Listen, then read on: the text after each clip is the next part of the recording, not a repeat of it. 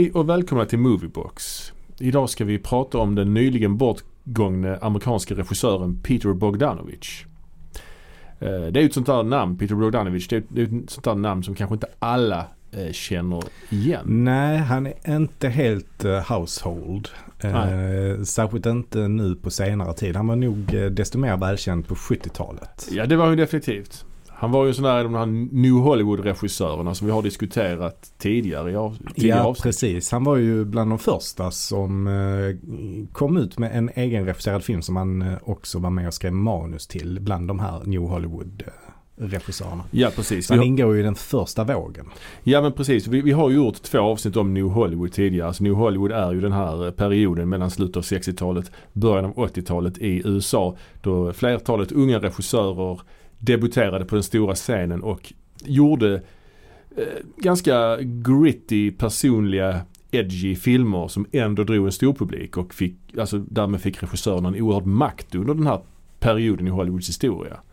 Men många av regissörerna klarade inte av att eh, hushålla med den makten utan eh, fick något, vad ska man säga, lite storhetsvansinne och gjorde projekt som till slut blev eh, floppar. Alltså de, Mm. de, de blev till slut till det de själva var en reaktion emot kan man väl säga. Mm. Vi pratade om William Friedkin tidigare som gjorde Exorcisten och French Connection. Men sen havererade totalt med Sorcerer. Ja, och Brian De Palma har vi pratat om också. Ja, han har aldrig, han har inte havererat så totalt. Nej. Men eh, Michael Cimino har Ma- havererat. han pratade ju också om ju, som gjorde Deer Hunt och sen eh. Heaven's Gate.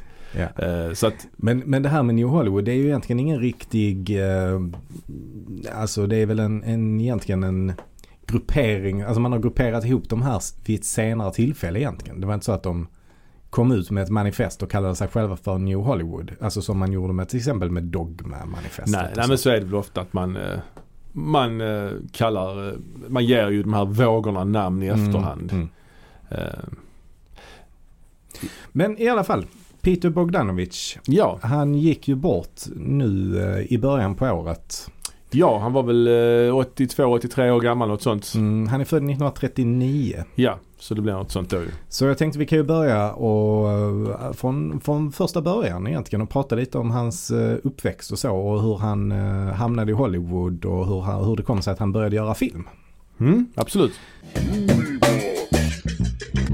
Så han föddes ju i New York 1939. Mm. Han, eh, hans föräldrar var flyktingar eh, från andra världskriget, kom från eh, forna Jugoslavien.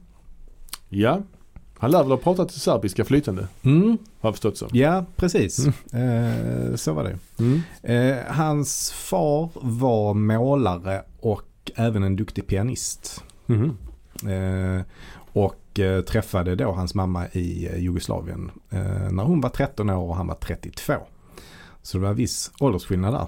Ja, det är något som han, eh, Bogdanovic själv sen anammade också. Precis. I sina precis. förhållanden. Ja. Ja. Men eh, i alla fall, eh, de var ju väldigt kulturella då, hans föräldrar, eftersom pappan var målare och, och även pianist och så. Och sen så eh, jobbade ju hans mamma också med, med de, hon var också väldigt kulturellt intresserad i alla fall. Mm.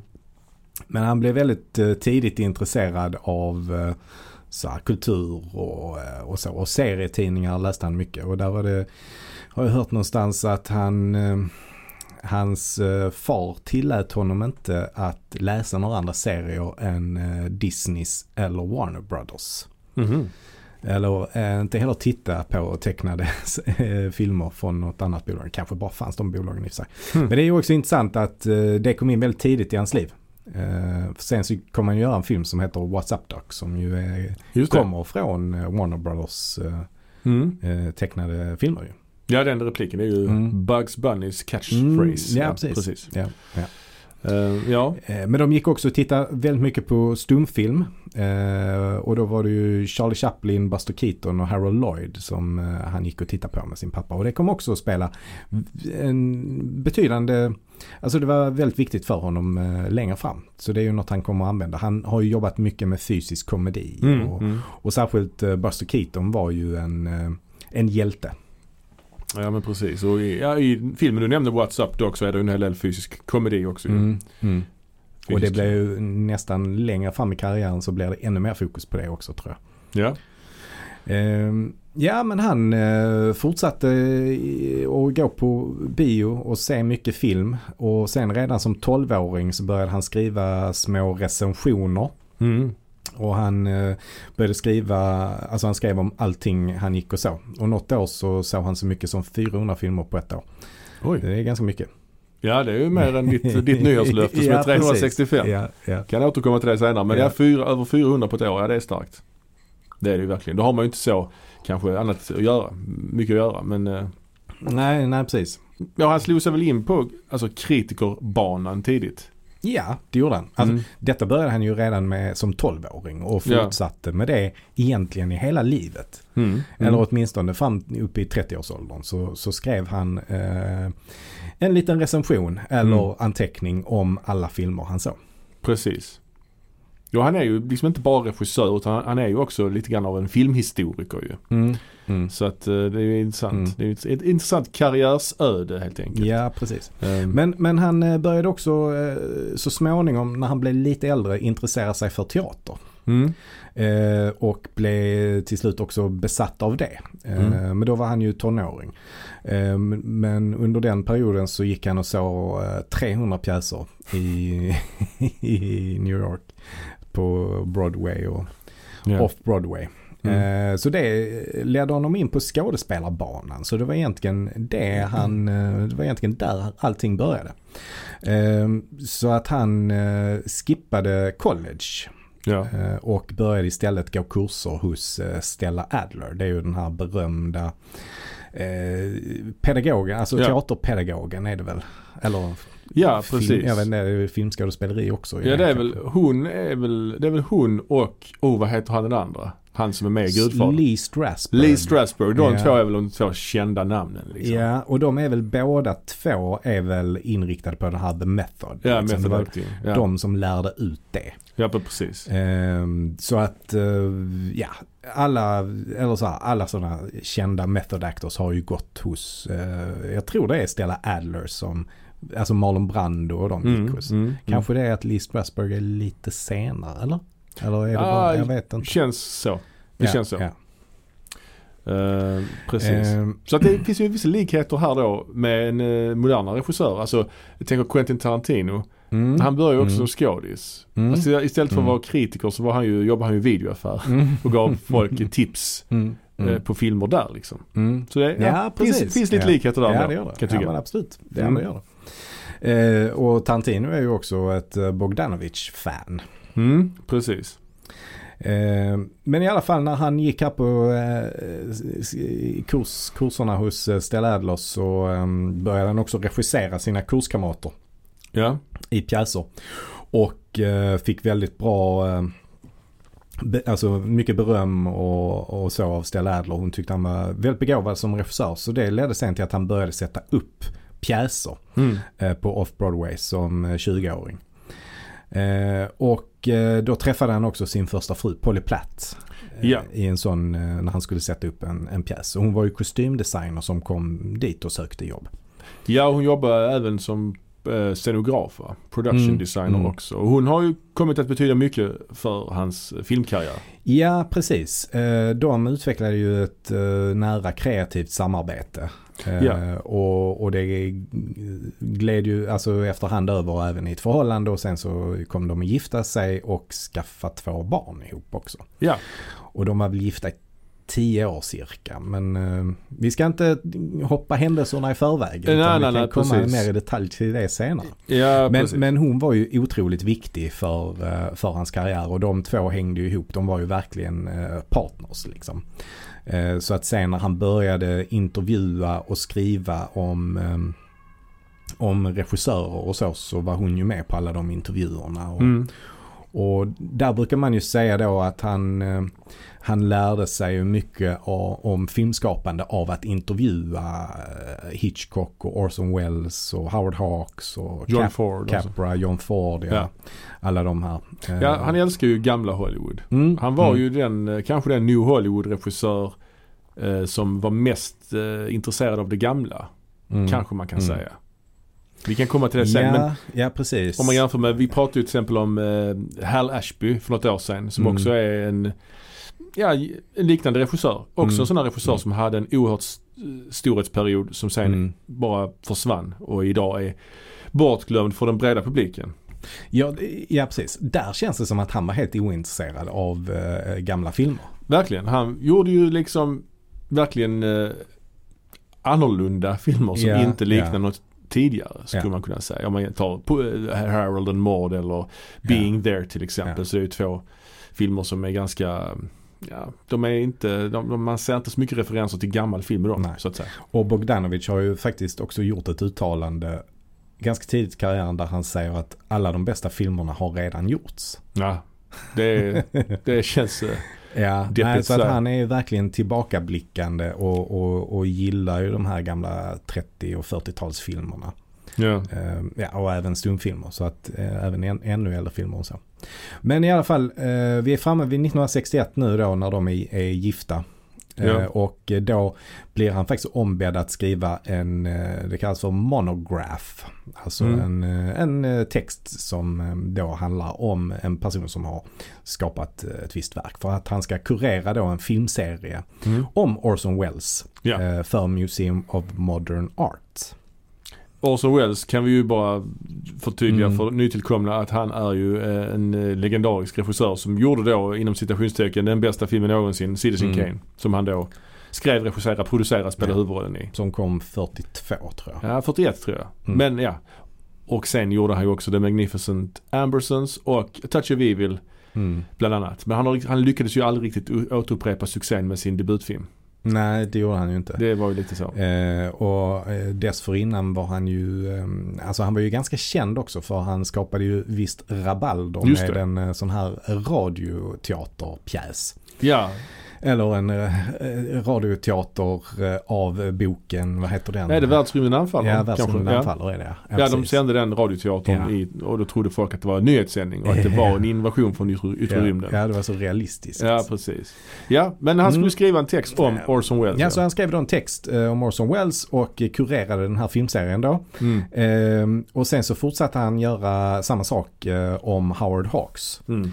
Ehm, och där var det ju lite grann att det, det blev väldigt populärt med den här Orson Welles ehm, utställningen eller vad Mm. man ska kalla det för. Mm.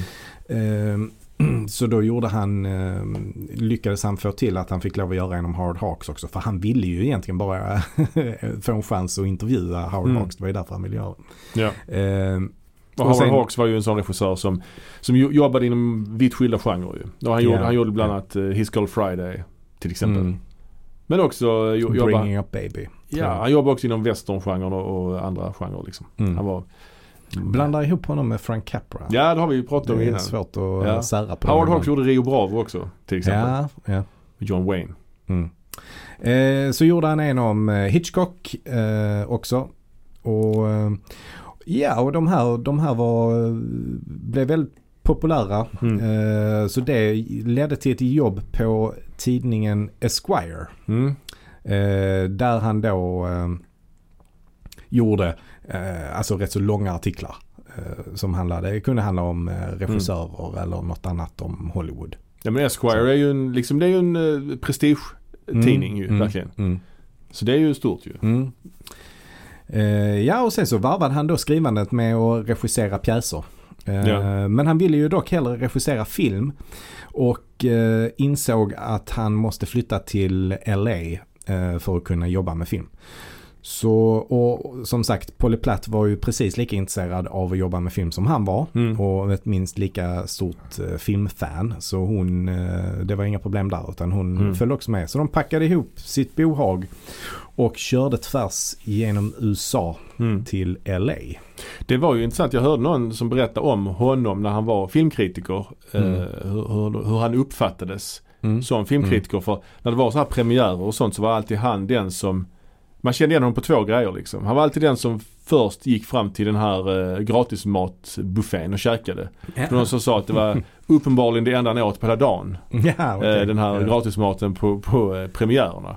Mm. Och sen var det en grej till att han hade alltid kostymer som satt lite dåligt. Jaså? Som passade inte honom riktigt. Mm. Och det visade sig då att han var tydligen kompis också med Jerry Lewis, Mm. komikern. Det var han ja. Och eh, Jerry Lewis då, han var tydligen inbillar sig i alla fall att han var allergisk mot typ sköljmedel eller något i den stilen. Jaha. Så han hade aldrig på sig samma kostym två gånger utan han gav sina kostymer till Peter Bogdanovich. Jaha. Så han hade hans kostymer därför inte passa för det var inte eh, gjorda för honom. Ja, okej. Så det var lite kul. Ja, eh, Jerry Lewis eh, gav även bort en Ford Mustang till eh, Peter Bogdan- Bogdanovich och Polly Platt när de flyttade, när de väl kom till LA. Jaha. Ehm, ja. Och Jerry Lewis var ju en sån som han hade lärt känna genom en eh, intervju han gjorde för eh, Esquire. Ja. Ja. Men när de väl då är i LA så eh, går de på filmscreenings ehm, och, ja, och, är, och är runt och han är ju ändå ett ganska välkänt namn efter att ha eh, skrivit om film och så. Så har han ändå blivit, blivit en välkänd eh, karaktär så folk vet vem man är. Ja. Eh, och på en av de här filmvisningarna så träffar han Roger Corman. Legendaren. Just det. Eh, och han är ju, ja vad är det för en? Roger Corman är ju något av en, eh, ja han är ju något av en mentor för, för många unga regissörer vid den här tiden. Alltså det är många av de kända namnen som börjar hos Roger Corman och jobbar hos honom. Bland Mm. annat till exempel De Palma, eh, Mm. Coppola också. Coppola, Scorsese till exempel. Och- Coppola gjorde den Dementia 13, Scorsese gjorde Boxcar Bertha va? Ja, ja. Och, och eh, även Dennis Hopper ju och eh, Peter Fonda. Ja, Jack Nicholson. Och Jack Nicholson. Och Roger Corman var både producent men han var också regissör. Han regisserade ju flera så här Edgar Allan Poe filmatiseringar Mm. vid den här Mm. tiden ju. Eh, Med Vincent Price till Det exempel. är, ju, det är ju någon form av B-filmer detta. Ja det är det ju. Ron, Ron Howard var ju också där tror jag. Mm, han det. berättade det också när han gav, när, när Roger Corman fick så här heders-Oscar för några år sedan så höll ju Ron Howard något tal och då sa han att Roger Corman hade sagt till honom att om den här filmen blir en succé så kommer du aldrig behöva jobba med mig igen. eh, Corman lever ju fortfarande i skrivande stund. Ja, han gör det alltså. Det är, eh, ja, han är ju över 90 år. Ja, Eh, Det är ja. han. Ja, men så i alla fall så får han jobb där som assistent eh, hos Roger Corman. Och då får han jobba med att eh, till exempel scouta locations, eh, casting. Han får jobba med manus, eh, han får göra andra pre-production jobb.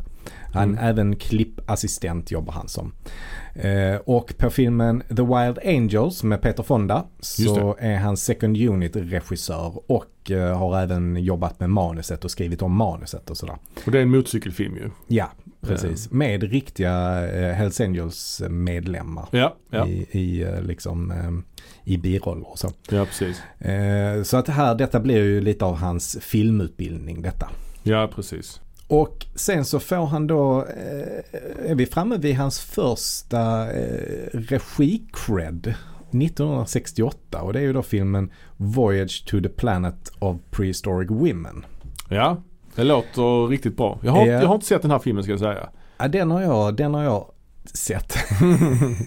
Ja, Och det är ju en film som är, alltså det, det är rätt bisarrt. Corman köpte rättigheterna då till en sovjetisk sci-fi film Ja. som heter Planeta Burr, eller Bur.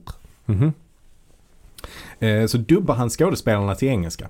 Eh, och filmen i sig då handlar om en grupp astronauter som hamnar på en planet eh, Venus är det faktiskt. Mm. Eh, som är väldigt blåsig. Alltså Mhm. ja.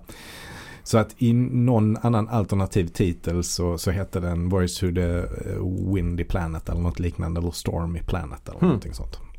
Ehm, ja och eh, här förutom att det blåser väldigt mycket så bor det också dinosaurieliknande djur på den här planeten. Mm. Eh, och de är otroligt fult gjorda. de är väldigt, väldigt B. Ja, Som ja. man säger att det är sådana plastdockor. Liksom. Alltså Roger Corman han gjorde ju alltså, hur många filmer som helst per år ju. Mm. Alltså han var med och producerade och regisserade. Ja. Så att, ja. Men det här är inte Alla ens, inte bra så att säga. nej, det här är inte ens han som har gjort den. Det här är ju en sovjetisk film som han bara köpte in och dubbade. Ja, ja, ja men Ja. precis. Eh, I alla fall, distributören då ville inte köpa filmen om det inte var några kvinnor med Nej. i filmen. Eh, så då får Bogdanovich i uppdrag att eh, komplettera med eh, scener då med kvinnor.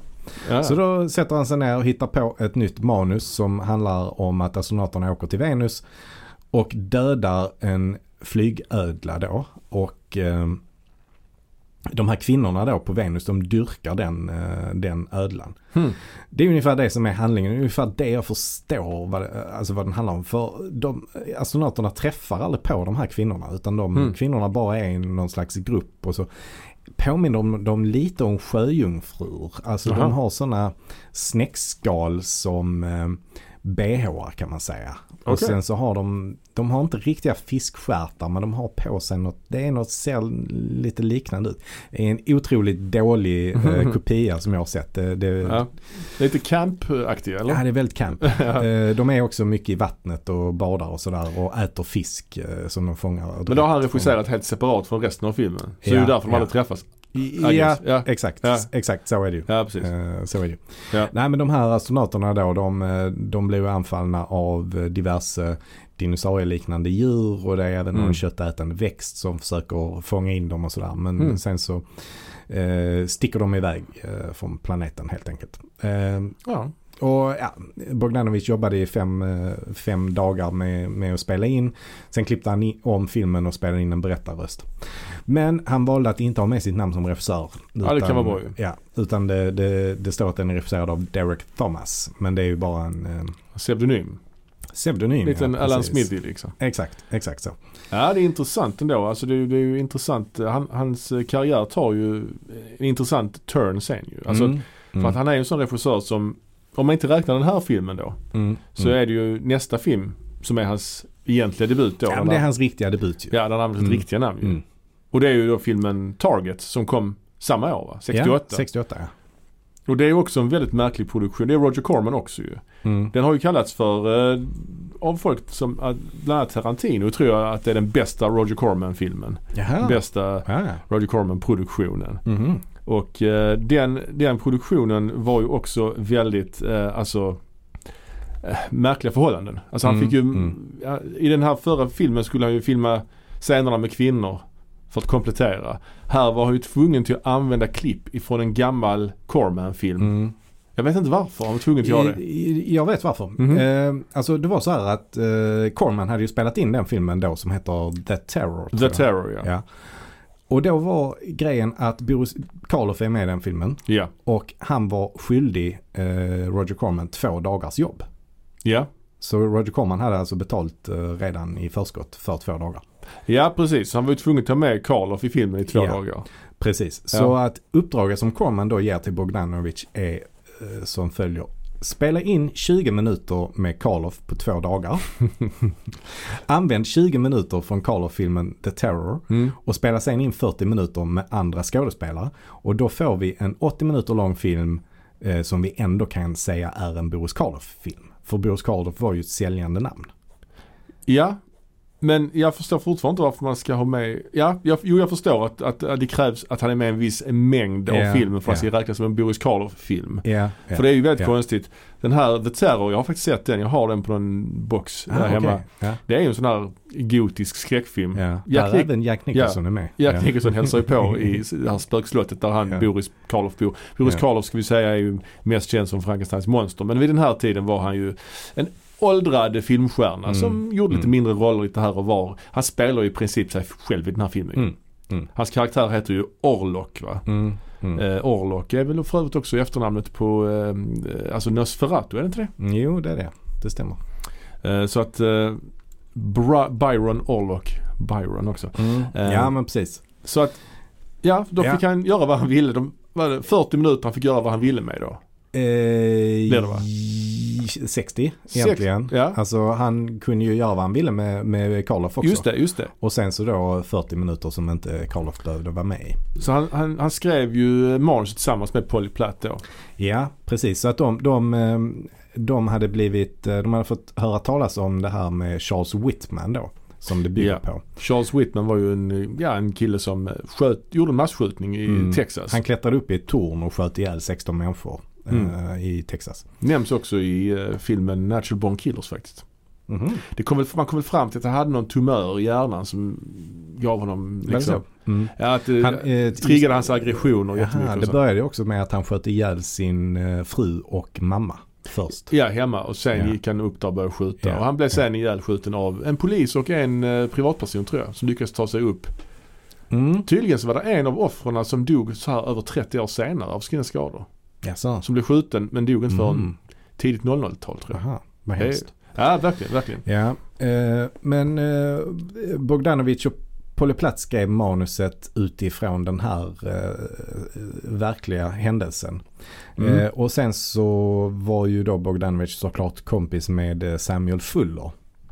Också en legendarisk regissör ju. Ja, så han fick läsa igenom det och eh, skrev om alltihopa egentligen. Eller Ja. ändrade ordning på en massa Ja. scener och gjorde att det fick ett ett mycket bättre flöde i historien. Men Fuller behövde inte, han ville inte ha cred Men han ville inte ha cred. För han ville inte att, eh, han sa att om jag får cred så tror de att jag har gjort allt. Ja, Eh, Så Ja. att de lät, han lät bli, bli och ha med sitt namn för att Bogdanovich Ja. och, och Polly Platt då skulle få cred. ja precis. Eh, men Bogdanovich då som själv eh, medverkar i en biroll. Just det. Han spelar en regissör som heter Sammy Michaels. Mm. Och det är ju då en hyllning till Samuel Fuller som heter Samuel Michael Fuller tror jag. I hela hans namn. Ja. Ehm, ja. eh, Ja, men det, är och- precis, det blir väldigt, vad ska man säga, eklektiskt eller vad säger man? Alltså att det är liksom, man blandar den här gotiska skräcken och den här eh, ganska Mm. politiska, eh, ganska moderna Mm, eh, film, alltså det här temat med massskjutningar. mm, Så det är verkligen en politisk film som handlar om eh, liksom vapenkontroll Ja, då liksom. ja, precis. Hur det kan Eh, urarta. Det som också är intressant är att han, ehm, han börjar här också jobba med en kille som heter Frank Marshall. Ja, Som ju ehm, senare blir hans producent på några filmer. och som sen också börjar jobba med Spielberg. Han ja, ju- precis. Ja. Eh, och han, han blev ju en framgångsrik producent sen. Uh, producerar bland annat Indiana Jones och grundar ju Amblin Entertainment med Spielberg. Mm. Och Kathleen Kennedy som Ja. också är hans fru. Just det. Som, Som är, ju är vd på uh, Lucasfilm. Ja, just det. Eh, sen så på 90-talet så började han ju också regissera lite filmer själv. Just det. Klassikerna Alive, Kongo och Arachnophobia. Bland Ja, annat. ja, tre Det är habila, ändå, habila eh, filmer. Habila filmer liksom. Kongo har jag i och för sig aldrig sett men, eh, Ja, det har jag gjort men det var inte igår. men Arachnophobia min, Ja. minns jag som ändå eh, rätt bra alltså. Svensk titel, Imse Vimse Spindel. Och Alive kommer jag ihåg jag såg på bio också ju. Det här argentinska fotbollslaget Mm. Den såg jag om för inte så länge sedan. kannibalism. Det är ändå, he- den är ändå helt okej. ja, faktiskt. ja, absolut. Ja. Men det är som sagt en väldigt imponerande debutfilm. Eh, Tarantino Mm. återigen har ju sagt att det är en av de bästa debut, re, regidebuterna någonsin. Mhm. Dessutom så spelar ju som sagt eh, Bogdanovich en liten roll i filmen. Mm. Och Eller- dessutom har han klippt den också. Ja, Han blev så, eh, tyckte att klipparen gjorde ett jättedåligt jobb så han sparkade honom. Och eh, klippte den eh, själv istället. ja. Eh. Det, det, det, hans, eh, Tarantino, jag har ett citat från honom till om den här filmen. Mm. Han, eh, som står hittar på nätet. Han säger den här filmen är inte en eh, thriller med ett, eh, med ett politiskt budskap. Eh, det är ett politiskt budskap med spår av en thriller. Liksom. Ja, ja, ja. Ja, jag Mm. vet inte. Ja, det, ja, kanske det. Jag vet inte. Som sagt, filmen handlar ju om, det är två parallella stories. Det är ju den Mm.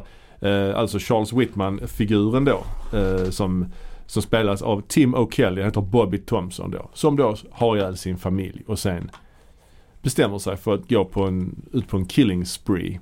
Det är bland annat en scen där han klättrar upp på ett hustak och börjar skjuta på bilar på motorvägen. Mm. Det känns väldigt guerrilla style det också ju. Mm. Ja, det var Gorilla Style också. Verkligen.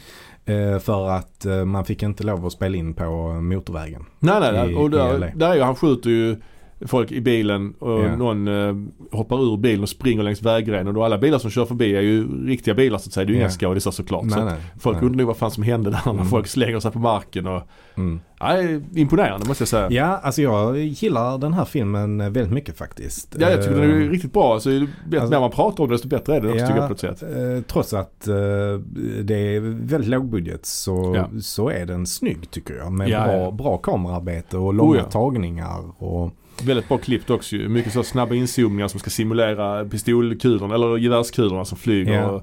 Ja, precis. Och det är snyggt framat också. Ja, ja. Och sen är det också den här liksom LA-miljöerna från 60-talet. Det är ju Mm. väldigt, väldigt Mm. coolt. Det är kul Mm. att se filmer som utspelar sig i sin samtid. Ja. Sen eh, så märker man också Polly Platt i den här filmen. För det är väldigt Mm. snygg scenografi. Mm. Mm. Eh, och det finns ett eh, uttänkt färgschema. Ja, All- Alla ja, scener med Karloff till exempel går i väldigt varma toner. Mm. Alltså det är Mm. brunt och det är grönt och gult. Och till exempel är det en scen med Bogdanovich och eh, Karloffs assistent. Där Assistenten har en gul basker och, Mm. och Bogdanovich har en gul eh, sån här eh, sweater på sig. Ja. Eh, så att det, det medan då alla scener med mördaren är kalla och blåa Ja. vita. Eh, och det, där har han sagt att han tog inspiration av George Cukor i eh, A Star Is Born. Ah. Så att han använder ju alla de här tipsen han har fått i, eh, i intervjuer och så. Ja, ja det, Mm. det, det är väldigt, väldigt snyggt och eh, som sagt det här med Gorilla Style arbetet Mm, på motorvägen mm. är ju väldigt coolt. Sen är det ju Karloffs då, storyn med honom då, är ju att han spelar ju då i stort sett sig själv, en åldrad skräckfilmsstjärna som funderar på att eh, dra sig tillbaka, som är trött Mm. på det liksom. Mm. Men som då ska eh, göra något framträdande på en drive-in bio när de ska, när de ska visa en av Ja, hans ja, filmer då. Då Ja. råkar det vara den här The Terror de visar då. ja, ja. Eh. Vilket är lite märkligt ju. ja, det är det. Eftersom det är en riktig film. ja, ja. Ja. Eh, men, men annars tycker jag det är, det är rätt bra spel av eh, både Karloff och Bogdanovic Mm. faktiskt. Alltså jag gillar den scenen som tusan när, eh, när Bogdanovic kommer hem till, eller kommer in i Karloffs hotellrum Mm. och är lite full. Ja. För Karloff, eller eh, Karloff, eh, Karloff han eh, har ju hoppat av ett filmprojekt som Bogdanovic skulle regissera. Just det. Eh, och då är ju Bogdanovic lite sur på det för han har inte ens läst manuset och så. Liksom. Så Ja, kommer han in där och så är han full. Och sen så, så somnar han och så bär Karloff in honom i sängen. Just det. så de ligger där i samma säng och Ja, sover. ja, just det. Den är rätt rolig den scenen. Ja och Karloff tycker jag han spelar bra. Han, har han, han läspar ju väldigt mycket. Det är intressant ju. Han det? Och Ja. haltar. Ja. Han är, ju- Ja, han, han är illa däran. Ja, han är, han är, ja, ja. precis. Han är rätt sliten Mm, liksom. mm. Men han, eh, han har ändå eh, glimten i ögat och är Mm. liksom, han är charmig helt enkelt. Mm. Mm. Ehm, och eh, sen kulminerar ju filmen i att de här två storiesarna knyts samman då. Mm. Att den här mördaren, skytten då, tar sig till den här drive-in biografen Mm. och gömmer sig bakom duken och börjar skjuta Mm. folk i sina bilar. Det är ju riktigt, eh, riktigt bra, eh, Mm. eh, spännande scen Mm, alltså. Det är det. Och själva slutet är också väldigt snyggt när Karl- Karloff går i, eh, han är ju iklädd smoking, Mm. går han mot eh, skytten och bara så här skiter i att skytten försöker då skjuta honom. Liksom. Ja, ja, ja. Han bara går rakt fram, ser så jäkla ondskefull ut när han Ja. gör det också. Så klipper man också till honom på, alltså på eh, vita duken. Hans Mm. karaktär där. Så att Mm. han, skytten blir helt chockad att skådisen på duken kommer mot honom på riktigt liksom. Mm. Mm. Ja, det är, Ja. det är skitsnyggt gjort. Just Ja. den växelklippningen mellan mellan duken och eh, det som händer i verkligheten i filmen. Ja. Och sen när Karloff kommer fram så bara örfilar han honom och Mm. eh, så kryper eh, skytten ihop i en sån fosterställning. Mm. Ja. Och, och eh, nästan börjar så här som att han börjar skämmas. Ja. Och som att han blir uppläxad liksom av en sträng far eller någonting sånt. Så ja men jag tycker den är mångbottnad på något sätt. Ja, ja, det här är ingen, här är ingen, vanlig, ingen vanlig B-film så att säga. Nej, det är nej, det inte. nej. Och, sen sticker den tycker jag ut i eh, Bogdanovics filmografi. För det är väl hans enda film av de jag har sett i alla fall som innehåller någon form av eh, alltså våld. Eller, eller Mm. alltså eh, på den sättet, skottlossning och, och sånt. Det, det, Mm.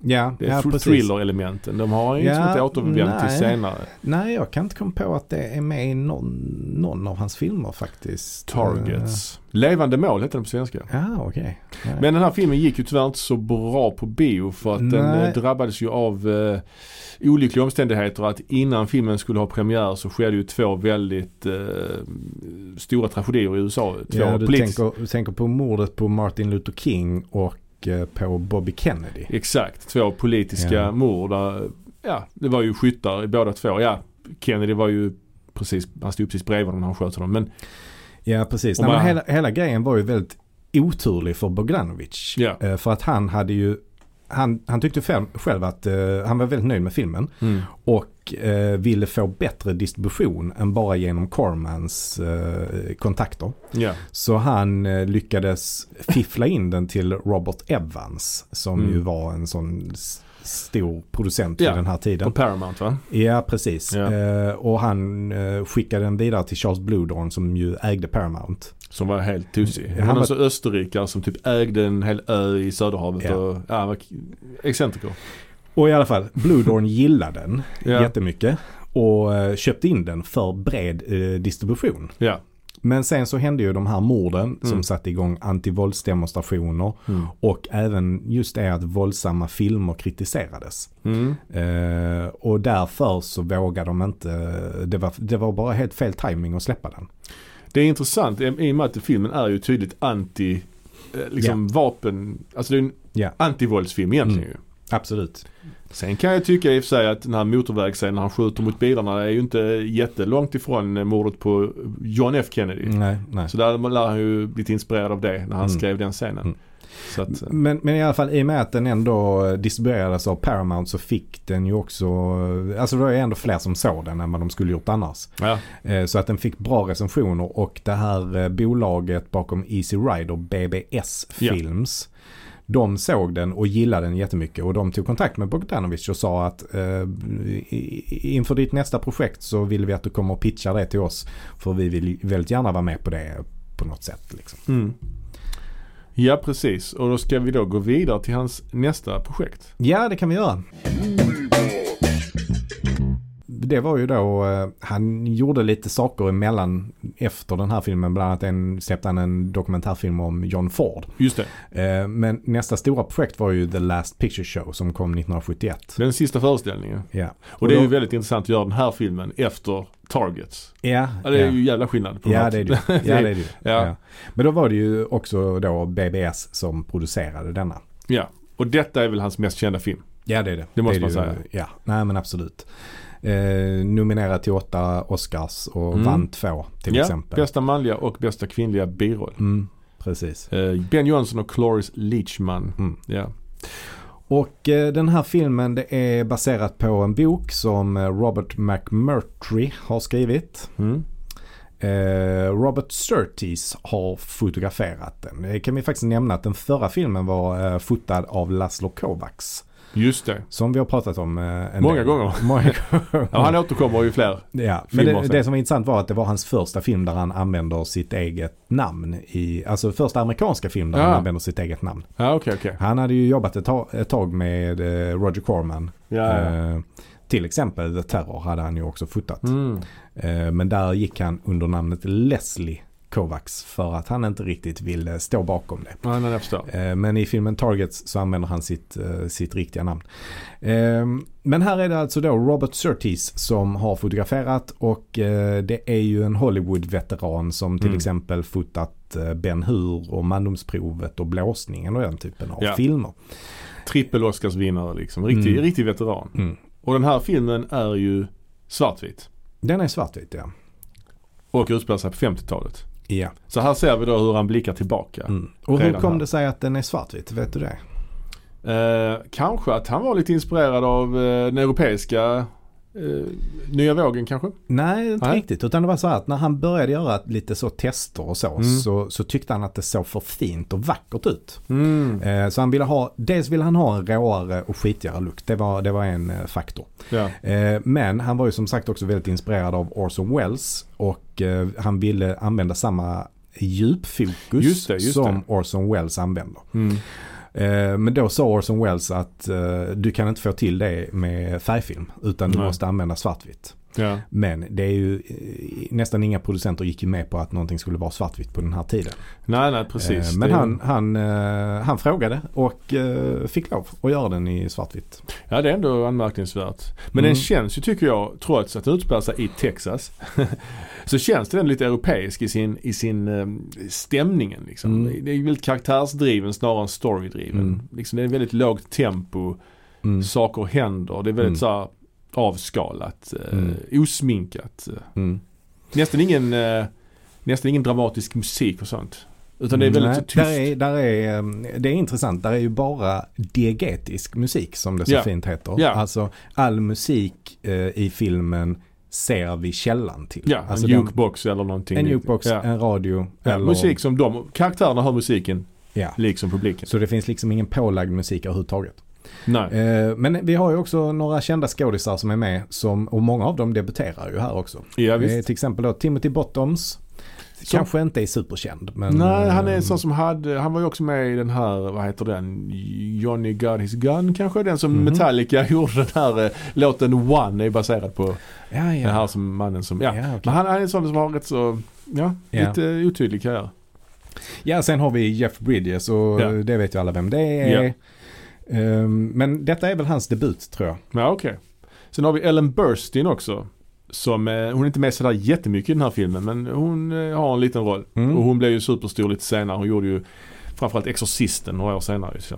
Det var intressant. Eh, där är ju tre kvinnliga roller.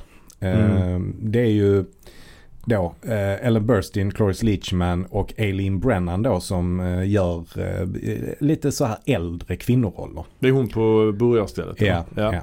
Och eh, när Ellen Burstyn eh, provspelade Mm. så blev Bogdanovich så himla imponerad av henne så hon fick välja vilken av dem hon eh, liksom ville, Ah, ville ha.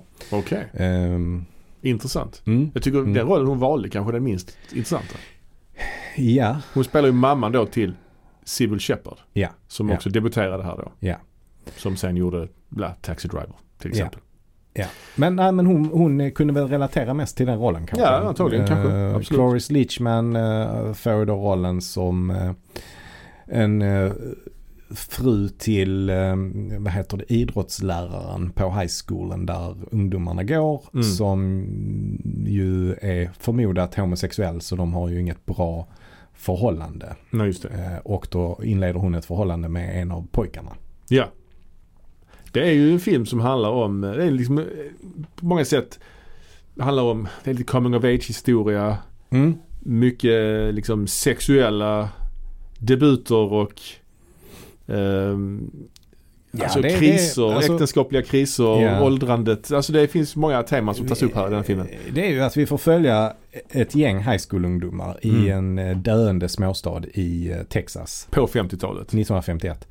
Eh, och den hela filmen utspelar sig mellan två fotbollssäsonger som jag förstår det. Ja. Så att den börjar med att fotbollssäsongen avslutas Mm. och den slutar med att en ny säsong påbörjas. Mm. Jag tycker det är ganska snyggt. Mm, det är det. Och den börjar ju som sagt med att, hemma, att säsongen avslutas med att hemmalaget förlorar en viktig match eh, via skolavslutningen. Och det är också lite så talande för filmen. Alltså Ja. de är på något sätt losers. Mm. Mm. och, och staden är döende. Så, så mycket av filmen handlar ju om liksom, vad, vad är framtiden för de här ungdomarna? Ska de bo kvar i den här uh, utdöende småstaden eller ska de eh, resa bort och göra någonting annat med sina liv? Ja. Eh, och sen är det ju lite sådär såpa-intriger. Alltså Mm, såpopera-intriger med olika kärleksförhållanden hit och dit. Ja. Och eh, otrohet och så.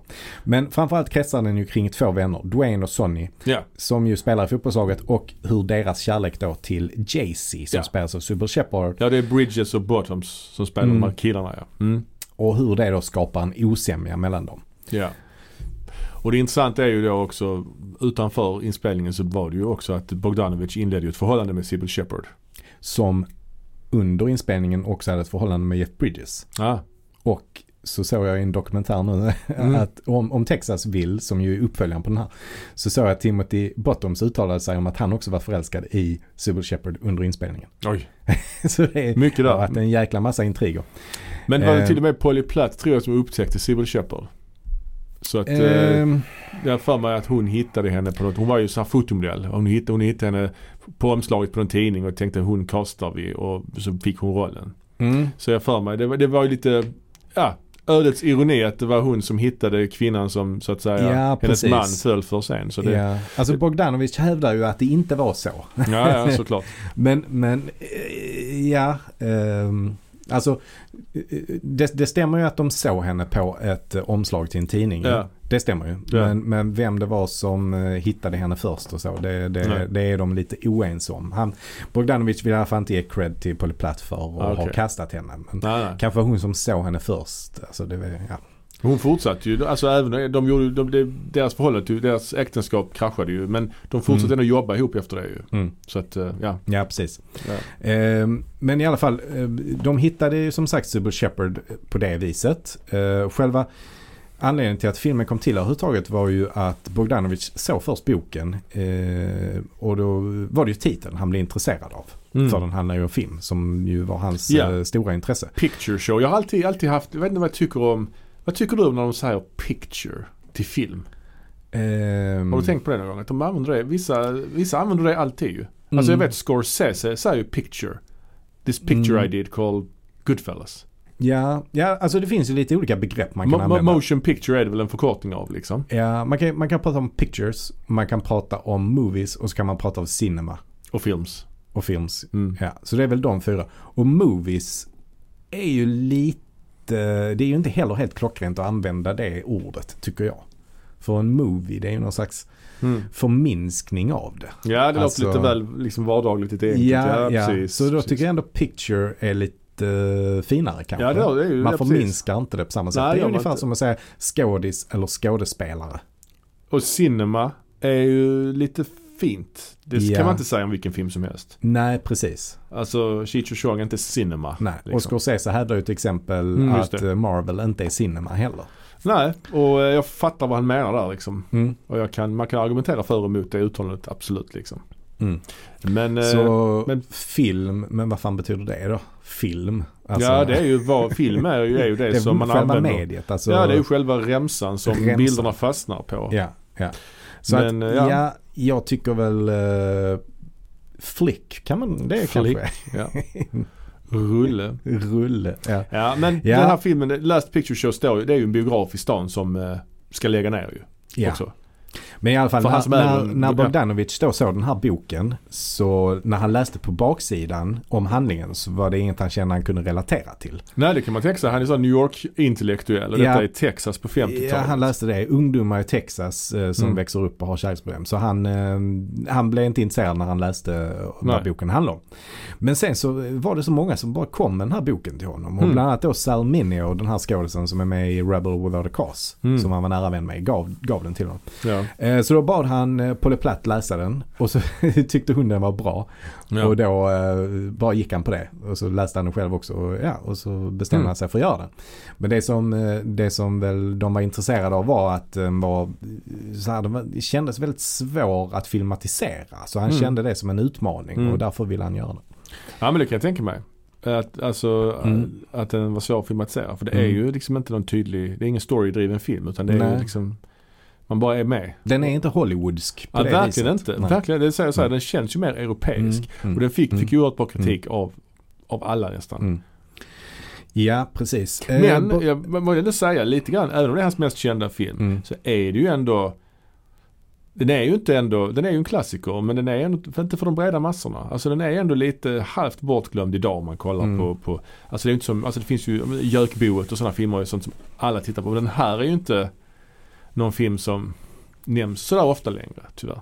Nej, den, nej, nej, nej. Den är ju, eh, jag vill inte säga bortglömd. Nej, bortglömd är ett starkt ord men jag menar den är ju, den är ju Men den har nog aldrig varit som Jökboet heller. Nej, alltså, den är ju har inte aldrig så- varit så household. Nej den är ju inte det. Den är ju liksom en, Men det handlar väl mycket om att eh, den är svår att beskriva vad den handlar om. Alltså Ja. Jökboet är Ja. tydlig. Den utspelar sig ja ja visst. där den utspelar sig. Jo men jag tror Liksom. också det, det försvårar också att den är svartvit. Och att Ja. det utspelar sig på 50-talet. Så att om man Ja. inte är så bevandrad i, i cinema så kanske Mm. man tror att den här filmen är mycket äldre än vad den är. Mm. Liksom. Det, kanske. Ja, ja precis. Men i alla fall, Sybil, hon blev ju kastad. Sen så eh, hade ju Bogdanovich tidigt bestämt sig också för Ben Johnson. Och det var inte han som vann OS-guld i Seoul 88 då. Var det inte? Nej, det var en annan Ben Johnson. Ja. Men han eh, blev av med det i oskuld, var så? Ja, han var ju dopad som Ja. bekant. Ja. Ja, Eh, eh, ja synd sy- för Ben. Men det här var en helt annan Ben Johnson. Ja. Han, han är ju en sån, han har jobbat mycket med John Ford. ja, han var Eh, gritty. Han var, han var cowboy på riktigt. Ja, typ och, och sen blev han stuntman och sen så började han få roller. Ja. Men han tyckte manuset hade alldeles för mycket dialog. Så han, Mm. han ville inte, nej det är too many words. Liksom. så han, han tackade nej. Mm. Men då ringde Bogdanovich till John Ford. Eh, och Ford lovade att prata med, med Ben Johnson. Mm. Och så efter typ fem minuter så ringde Ben Johnson tillbaka och sa You put the old man on me. Mm. Så Ben, ben blev, kände sig tvingad för han hade väl sån respekt för John Ford. Ja, ja. Antar jag. Han är inte med jättemycket i filmen Ben. Nej det är han Han inte. försvinner ju. Mm. Efter halva filmen i stort sett ju. Ja precis. Han dör ju. Off camera. Ja, ja. Det är lite- ja det, det är lite märkligt. Det är märkligt ju. Ja. Men han fick Men- ju en Oscar för det här ju. Så Ja. att det var ju bra att han tackade ja ju. Ja och det intressanta där var att eh, när han ringde upp eh, Bogdanovich för andra gången så säger, då var han ändå fortfarande inte helt övertygad om det. Mm. Men då säger Bogdanovich You in this part will get the Academy Award. Mm. Och, Ja. och, och så fick han det också. Ja. Det är ju ändå eh, rätt otroligt faktiskt. ja, det är det ju. Mm. Och eh, dessutom Cloris Leachman också Ja, ja. bästa kvinnliga biroll. Cloris Mm. Leachman är ju, hon gick bort bara här med året. Mm. Hon var ju med i en del Mel Brooks-filmer, i våras för Frankenstein till Mm. exempel. ja, hon är väl mer känd som en komedienn. Ja, skulle jag säga. Eh, men två Oscars belönade rollprestationer i samma film. Plus Mm. då alla de andra nomineringarna. Liksom, Mm. Bästa film och bästa, bästa eh, regi och så vidare. Den, eh, Men det, det, det här med eh, Ben Johnson, han spelar ju en karaktär då som heter Sam the Lion som är någon slags fadersfigur för de här ungdomarna. mm. Han, som du säger så dör han ju off camera men, men de spelar ju in en begravningsscen då. Ja. Och det sjuka där var ju att mitt under inspelningen så dör ju Bogdanovic egen pappa. ja, just det. Så han fick ju åka iväg, ta ett äh, liksom uppehåll från filmen, åka iväg och gå på begravning och sen så kommer han tillbaka till filminspelningen och det första de gör är att de spelar in den begravningsscenen. Ja, starkt. Ja, det är rätt, eh, rätt tungt alltså. Mm.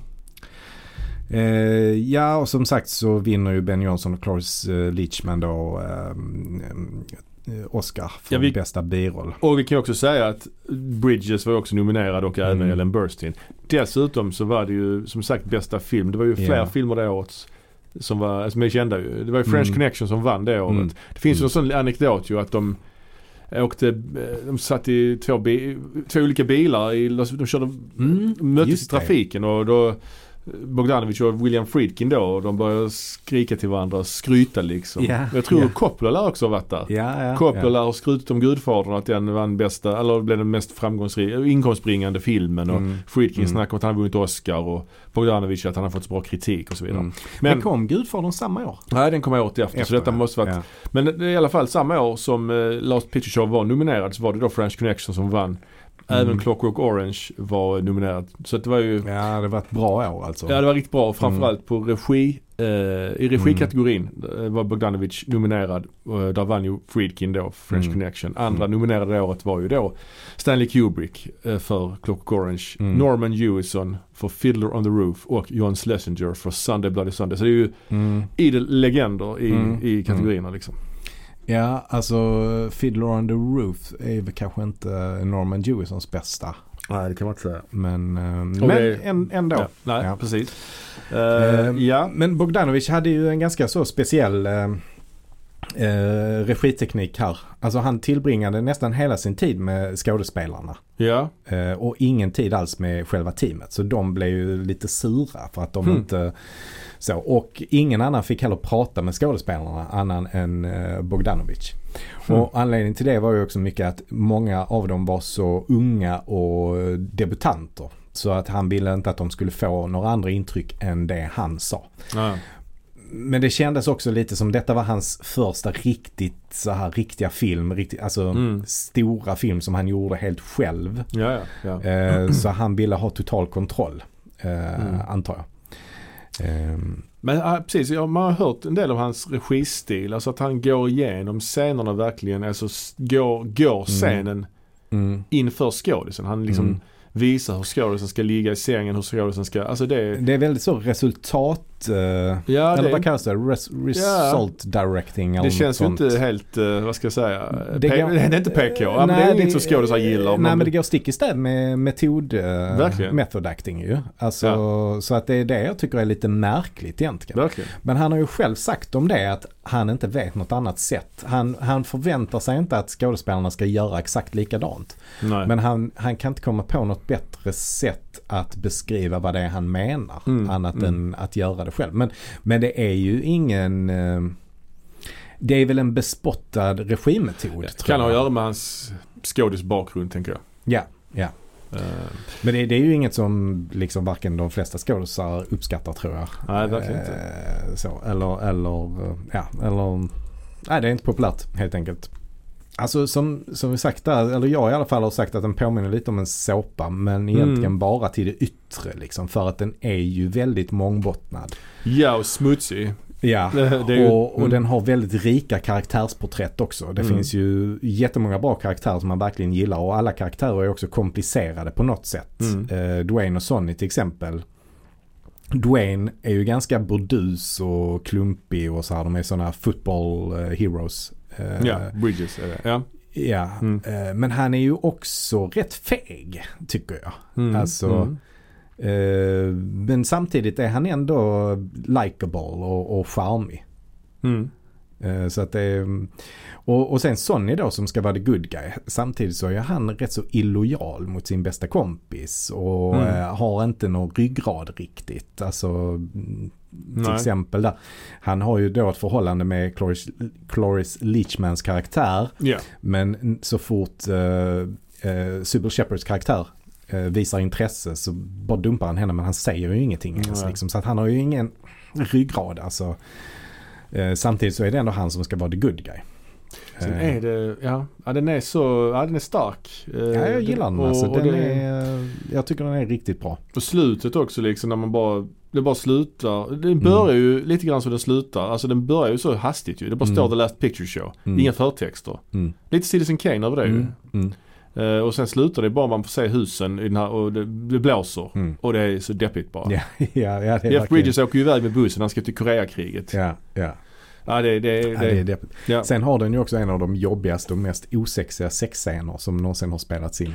Eh, vilken av dem höll Alltså? Är det tänker- biljardbordet eller? Jag tänker när Sonny och Ruth, alltså Ah. Cloris eh, Leachman och Timothy Bottoms har eh, sex första gången. Mm. När eh, sängen, alltså, alltså det är så osexigt bara. Och, och sängen Mm. bara gnisslar som tusan och det typ, eh, man hör nästan hur eh, dåligt det går. alltså, Ja, det är men men det är sant, sen är det ju en obehaglig scen också Ja. när eh, Sybil Shepard har sex med eh, den här äldre mannen. Precis. Eh, Som jobbar på hennes pappas. eh, Ja, och ja, det- som också har ett förhållande med eh, mamma. Shepards mamma. Hennes mamma ja. Ja. Det är, Ja. alltså det är mörkt ju. Ja, det, det, det, det är mörkt. eh, För hon vill ju absolut. bli av med oskulden. Hon försöker ju med Jeff Bridges men det går inte så bra. Hon försöker, och, och så gör hon då detta. Det, det är Mm. också jävligt. Mm. Fy fan. Sen det jag har kritik mot den är kanske att det är, jag tycker det är lite svårt att hålla reda på hur tiden flyter. Hur lång tid det går mellan olika scener och så. Mm, mm. Och det har väl lite att göra med det här att Sam the Lion bara helt plötsligt dör off screen. Ja det är märkligt. Eh, när Märkligt de är iväg i Mexiko tror jag det var. eller. Ja precis. Eh, precis. Det, det där blir man lite förvirrad och sen så känns vissa scener lite konstigt klippta. Särskilt eh, actionscenerna känns lite otajta. Alltså Mm, där, jo. är, där är en scen där Jeff Bridges eh, får reda på att Timothy Bottoms har eh, är ihop med Sybil Shepard och då Ja. blir han arg och så slår han en flaska i huvudet på honom. Det ser inte så bra ut tycker jag. Nej, nej precis. Men ja. Vi kan ju också nämna en annan skådis förresten som vi glömt nämna. Det är Mm. Randy Quaid. Han är ju med i, ja i de flesta av filmerna vi kommer att prata om idag. Ja, ja, ja. Ja, men han gör nog sin debut i denna filmen Ja. tror jag. Eh, precis som alla de andra då. Det är ju väldigt eh, också, vad ska jag säga, o- o-amerikansk eh, nakensekvens ju. Där de har någon fest Ja. hemma hos någon där föräldrarna Mm. inte är, är hemma och de har, det är liksom full frontal nudity. Alla badar nakna. Mm. Mm. Det är ju inte så jättevanligt i amerikansk film faktiskt. Nej, Eh, så nej. det känns ju också, Precis, eh, men eh, det är ju Sybil Shepard där som också gör en nakenscen som eh, Ja. blir ganska viktig lite längre fram. mm, mm. Ehm, Ja, det man i övrigt kan säga är att där är inga optiska effekter och det var också ett sånt medvetet val. Så Mhm. där är inga zoomningar eller någonting Ah, sånt i, i denna. Nej, Liksom. nej. Ehm, ja, sen är det det också att eh, Texas, hur de eh, porträtterar Texas just som väldigt kallt och Mm. kargt och Mm. ogästvänligt. Det är inte så vi brukar se Texas annars. Brukar, Nej, inte. Liksom, när man tänker på Texas tänker man ja, men ändå eh, varmt och soligt på något Ja sätt. precis, och lite carefree kanske. Mm. Lite så Mm. free, Mm. ja, frihet och så vidare. Ja. Ja. Ja men eh, Bogdanovic han eh, som sagt slog igenom stort med den här filmen och hur följde han upp den här filmen då? Jo, Med filmen What's Up Doc. 1972, alltså året efteråt så kom filmen What's Up Doc. Eller som Ja. den hette på svenska, Goddag Yxskaft. Just det. De här filmerna gick ju på bio samtidigt under en period också. Ah, okej. Det var då Ja. han, han åkte ju tillbaka till, till New York. Ja. Och då såg han att Last Picture Show fortfarande gick Ja. På bio. Det stod liksom massa kritiker citat utanför. Och sen såg han då att Ja. Typ på andra sidan gatan så hade Ah, What's Up Doc stod det. Peter Bogdanovichs comedy. Ja, ja. Så då kände jag att det var liksom piken av hans karriär Mm. liksom. Kanske hans liv till och med. Och det man, det man kan säga där det var ju också att eh, det var ju inte bara det att den fick många Oscarsnomineringar den förra filmen Mm. utan den gick ju bra eh, pengamässigt också. Den drog ju in eh, 30 miljoner ungefär och hade kostat typ fyra eller någonting. Ja, jag Två, tror- nej, tre? Ja, eller? typ, den kostat en och en halv kanske. en och en halv, okej. Spelade in eh, 30 och det är ju med den tidens eh, pengar också. Så det är Ja, ju ja. 30 miljoner idag. Eh, Nu vet jag inte om det är en halv miljard kanske. Jag vet inte. Nej men jag vet inte. Nej men så han var ju verkligen en het regissör efter Oh, ja. att ha gjort den här hitten. Eh, och eh, What's Up Doc kom ju faktiskt till på det viset att Barbara Streisand eh, ville göra en film. Mm. Eh, Visste inte riktigt vad men hon eh, gillade Last Picture Show så hon ville jobba med Bogdanovich. Ja, men den här filmen är ju något helt annat ju. Det här är så motsatt det kan bli nästan. Ja, det här är ju liksom en, eh, en screwball comedy. Alltså han har ju tittat tillbaks på John Ford och Howard Hawks och de jobbade på 40-talet Mm, och ska mm. göra, ska jobba på deras sätt med snabb dialog, Mm. fysisk eh, humor, fysisk komedi och stunts och mycket f- färgsprakande film Mm. också detta ju. Mm. Det Mm. utspelar sig Mm. också i nutid så att säga, i, Mm. på 70-talet. Och här jobbar han återigen med Laszlo Kovacs. Just det. Bogdanovich själv hittar på storyn. Eh, Men det är Ja. tre olika manusförfattare som skriver och de, de, de har väldigt kort tid på sig att skriva Ja. manus och komma igång med inspelningen. För, eh, för eh, Ryan O'Neill får en roll i filmen och han har ett, ett tajt schema. Och samma sak med Streisand, hon har också ett tajt schema.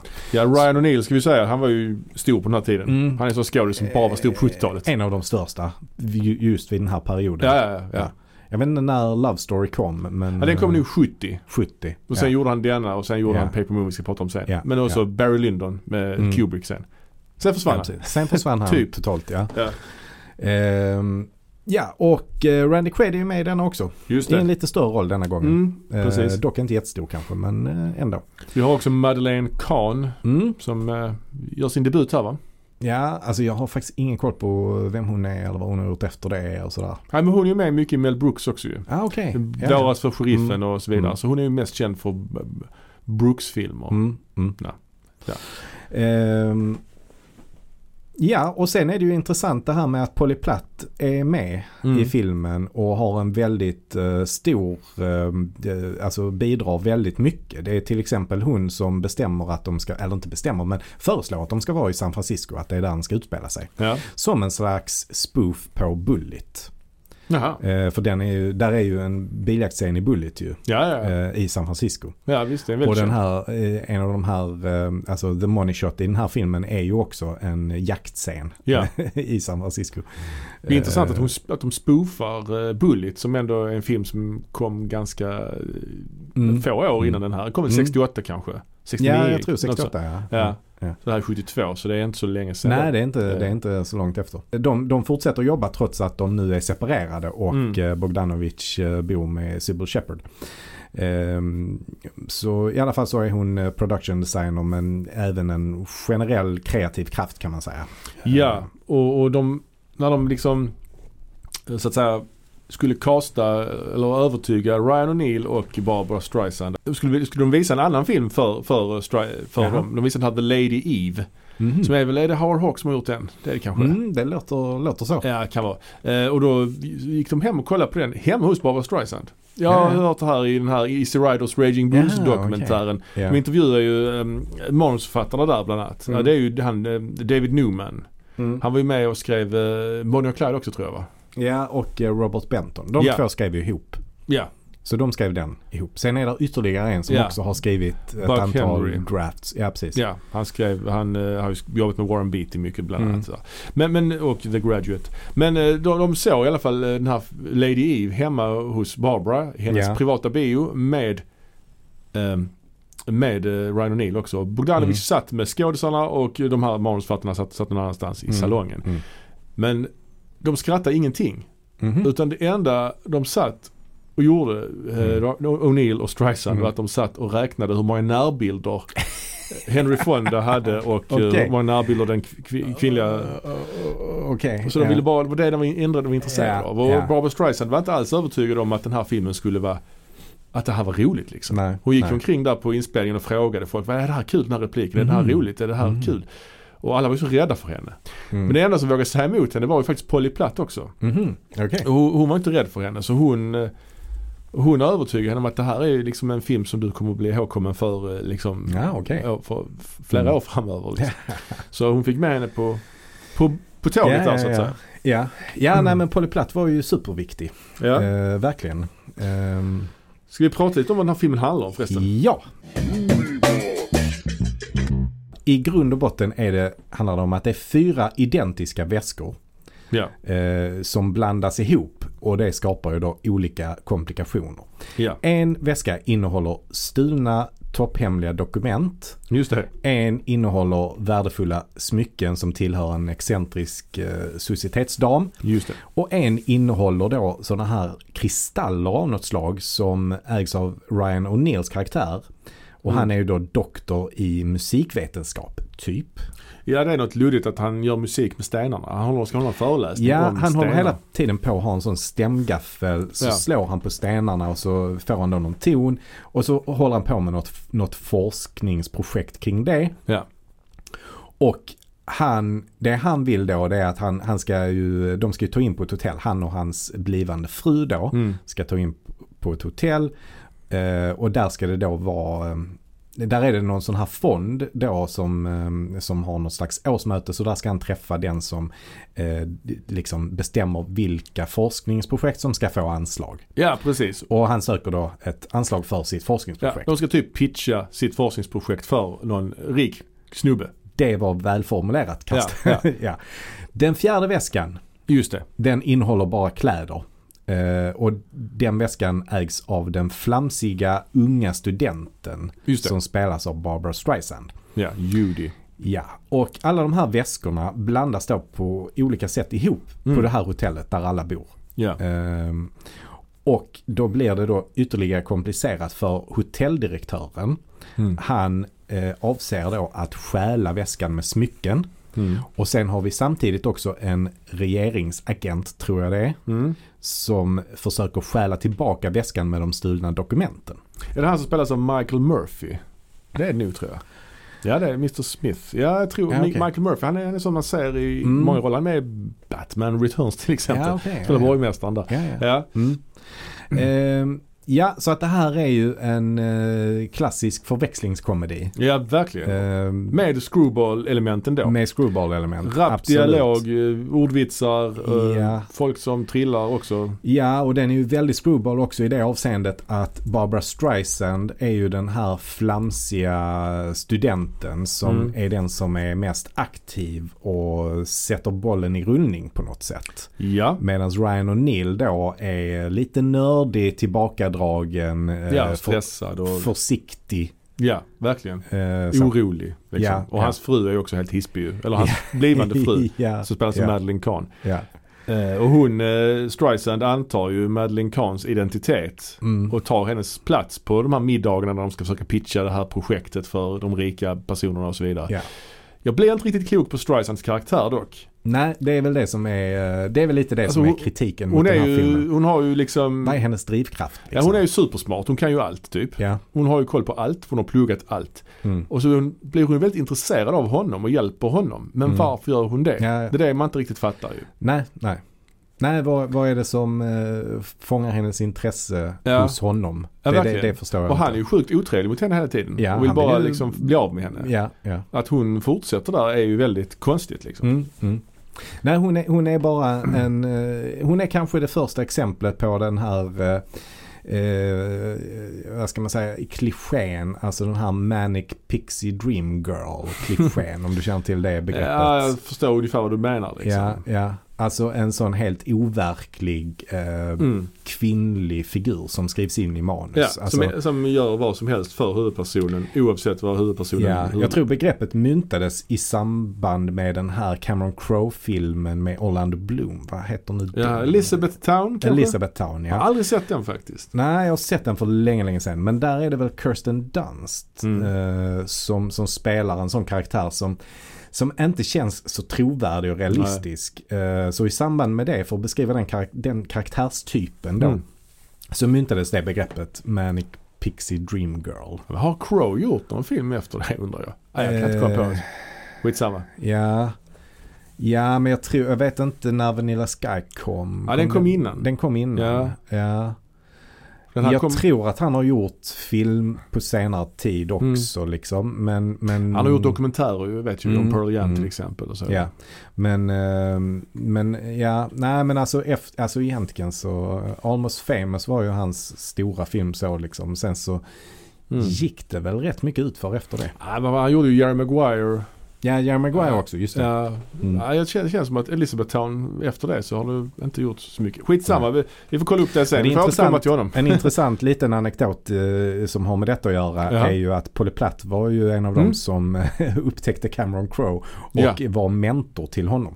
Det är ju intressant ja. Mm. Och hon var väl också med och upptäckte typ Wes Anderson. Ja, och Owen Wilson och Ja. ja, Hela det gänget. ja, precis. Alltså det är ju, det är ju faktiskt, hon är Det ju... var även hon som sammanförde Albert Brooks med Matt Groening.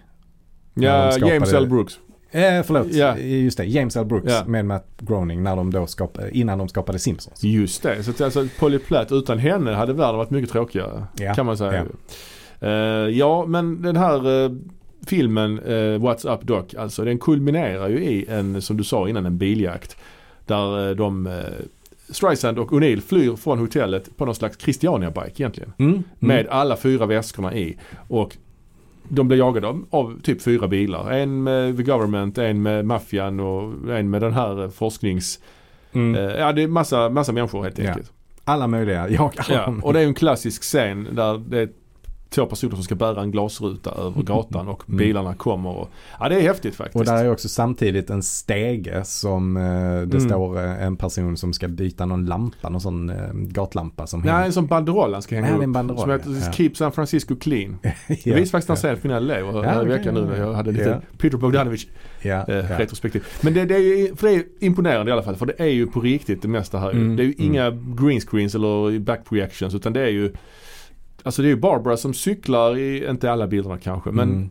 och han, eh, Ryan Neal hoppar upp på eh, Mm, i mm, farten. mm. Det går rätt snabbt. Mm. Och de cyklar ner för de här jävla branta backarna i San Francisco. Alltså det är Ja. ju väldigt eh, imponerande. Ja, alltså jag tycker den scenen är fantastisk och alltså koreografin, den är, det är imponerande hur de har lyckats få till det. Ja, ja verkligen. Alltså verkligen. bara den scenen, den kanske inte är en, så, men jag tycker det är rätt kul när hon kommer till en uppförsbacke och så bara orkar Mm. hon inte och så Mm. bara åker hon baklänges ner istället. ja men Alltså verkligen. det är ju det är ju kul. mm. Ehm, ja och sen hamnar de inne i någon sån här ehm, kinesisk, alltså de hamnar i Chinatown Ja. och så åker de in i en sån här kinesisk eh, parad.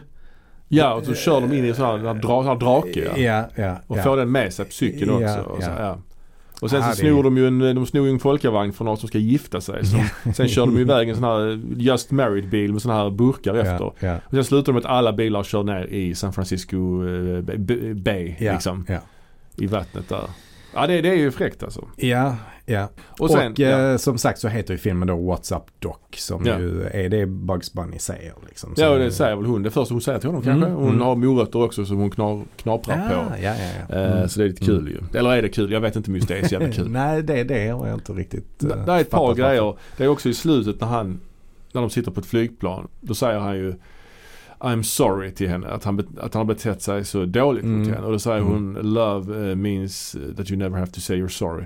Exakt, Och- som ju då är en referens till hans eh, stora film eh, Love story. Love Story. Som kom två år tidigare. Ja, och då säger ja. han det var det dummaste jag har hört. Ja. Och då ska det vara roligt för du var ju med i den filmen. Det tycker jag är sådär alltså. Jag tycker det ändå är, alltså man får ändå sätta sig in i att det här är två år efter.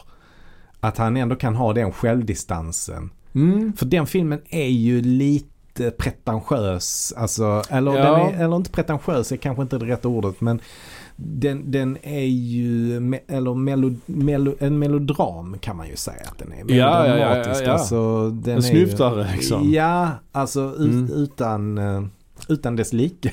Ja det handlar ju om en, ett, två, ett, ett, ett ungt par och hon, hon får cancer och, och dör, dör helt enkelt. Ja, det är alltså väldigt det är en sorgligt. klassisk melodram Ja, ju. Den börjar Alltså, med att hon har dött och sen får man se tillbakablick hur de träffades och så vidare. Ja, ja.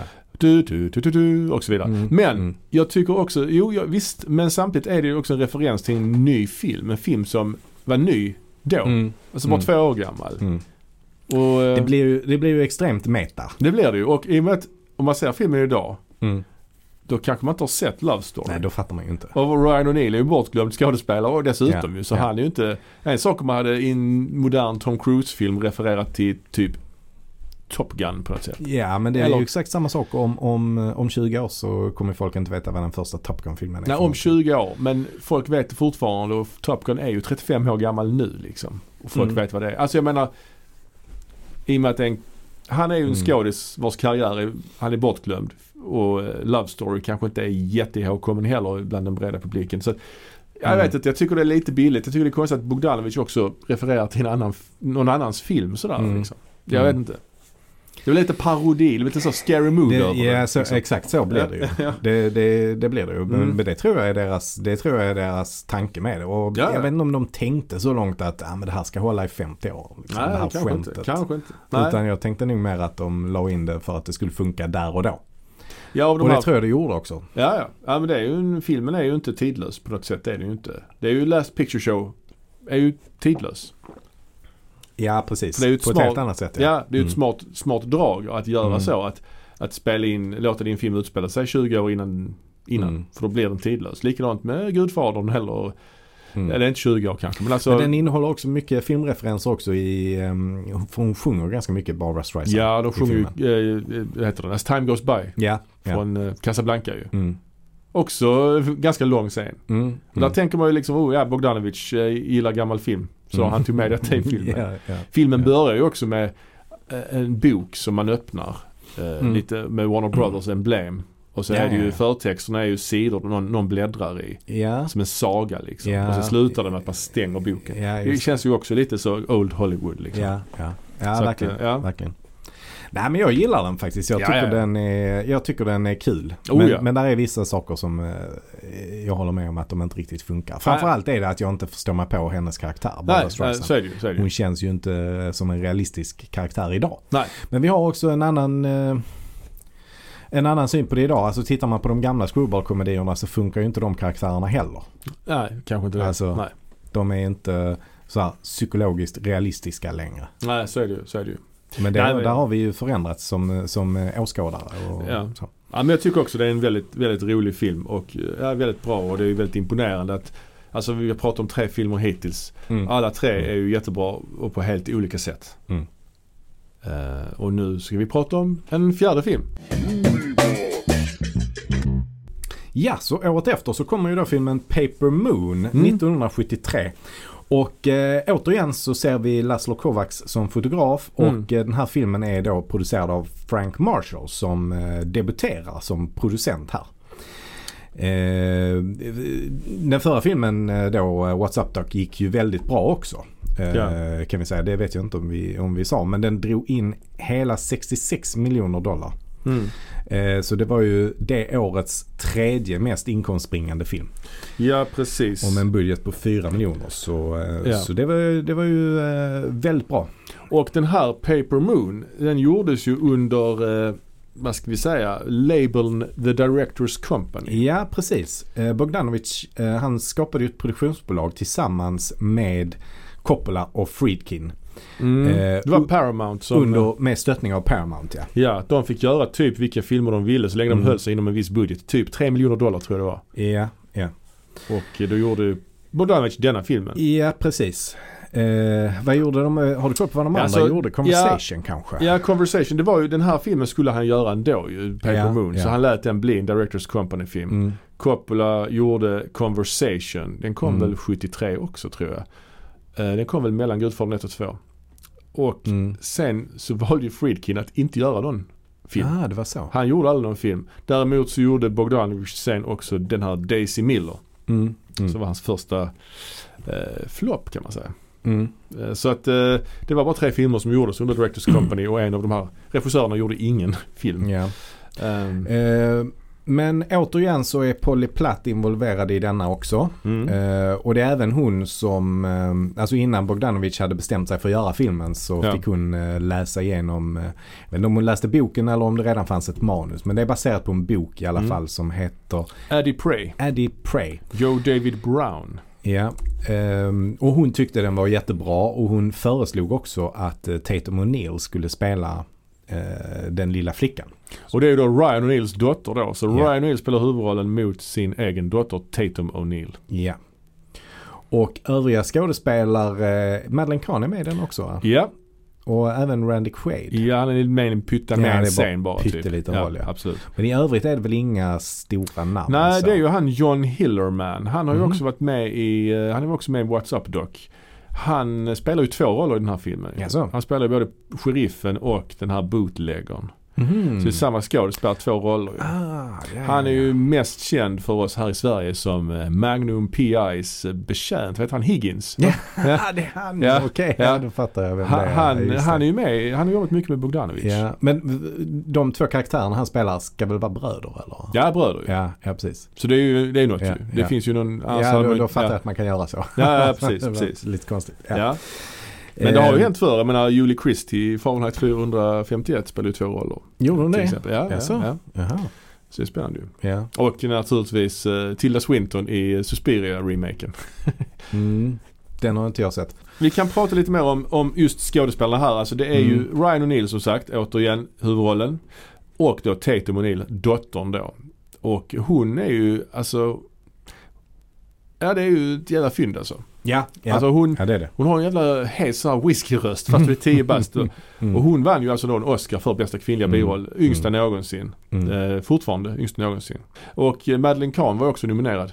Eh, för biroll också det året ju. Mm. Mm. Så att eh, det är ju starkt. Bogdanovich tyckte han, var ju, han blev ju sur. Han tyckte ju hon skulle bli nominerad för bästa huvudroll. Eh, Tatum O'Neill. För, eh, för hon var med i varenda scen. Mm. Ja det är lite intressant det där hur, man, hur de gör med huvudroll och biroll. har vi Ja, pratat om förr. ja, Ibland är ja. ju en biroll, eh, menar Marlon Brando i Gudfadern ingen huvudroll. Nej, nej. Han, han är ju knappt med efter, Nej. efter en timme inte han med. nej, alltså, nej, typ. Eh, nej, så att, eh, men, men ja. Eh, han, blev, han blev sur för det i alla Ja. fall. Eh, det, det känns som ett återkommande grej hos Bogdanovich också. Att ja, att han var ju sur också för att han själv blev nominerad. Så han var ju inte ens på galan när Tatum O'Neill vann ju. Ja, så. Så han var inte Jaha, ens på plats där ju. Nej. Filmen fick ju bara tre, nom- tre nomineringar. Alltså två, Mm. eh, eller fyra. Två, alltså ja, två eh, supporting actress, Mm. eh, manus och bästa ljud. Mm. Så att Men, men i alla fall innan, eh, han, han gillar inte titeln Addy Prey. Nej just det. Och sen så har han ändå hört någon eh, sån här gammal Cole Porter-låt. Ja. Eller något sånt som hette då Paper Moon. Ja. Eh, men så var han lite osäker så ringde han upp eh, sin polare Orson Welles och frågade vad han tyckte om titeln Paper Mm. Moon. Mm. Har du hört den? eh, Har du precis. hört det svaret? Ja han sa att det är en fantastisk titel. Du behöver inte ens göra filmen. Det räcker om du bara släpper titeln. Ja, ja, precis. För Orson Welles var ju liksom lite grann, han, Det var husguden. Ja men också, han bodde väl hos Bogdanovich för Orson Welles var lite så dekad vid den här tiden tror jag. Orson Welles var dekad, Ja. absolut. Och efter den här filmen, som ju gick väldigt bra, Mm. så ehm, grejen var ju också att eh, Bogdanovich hade haft procent på alla sina filmer. Mm. Och de hade ju dragit in jättemycket. Så han var ju, han var ju rik vid den här tiden. Ja. Och väldigt generös. Ja. Och eh, Orson Welles eh, var motsatsen.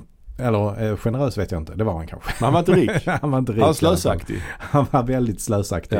Ja. Eh, så att, eh, så att eh, han, han får bo där. Och tar ju över mer och mer av Bogdanovichs eh, stora villa i Bel Air. Och eh, liksom är nästan han, han, han är där egentligen för att han håller på att klippa filmen The Other Side of the Wind. Just det. Så det är det han håller på med. Och den blev inte klar förrän typ 2019 eller något Ja, precis. precis. Eh, Men han är ju inte en jättebra inneboende. Han, han tar över mer och mer och äter upp eh, Peters döttrars glass. Och vid ett tillfälle så bränner han nästan ner hela huset. Alltså detta är ju en film jag skulle vilja säga. Ja, ja, ja. Detta vill jag säga. Någon slags sitcom eller någon komedi med. Orson Welles hemma hos.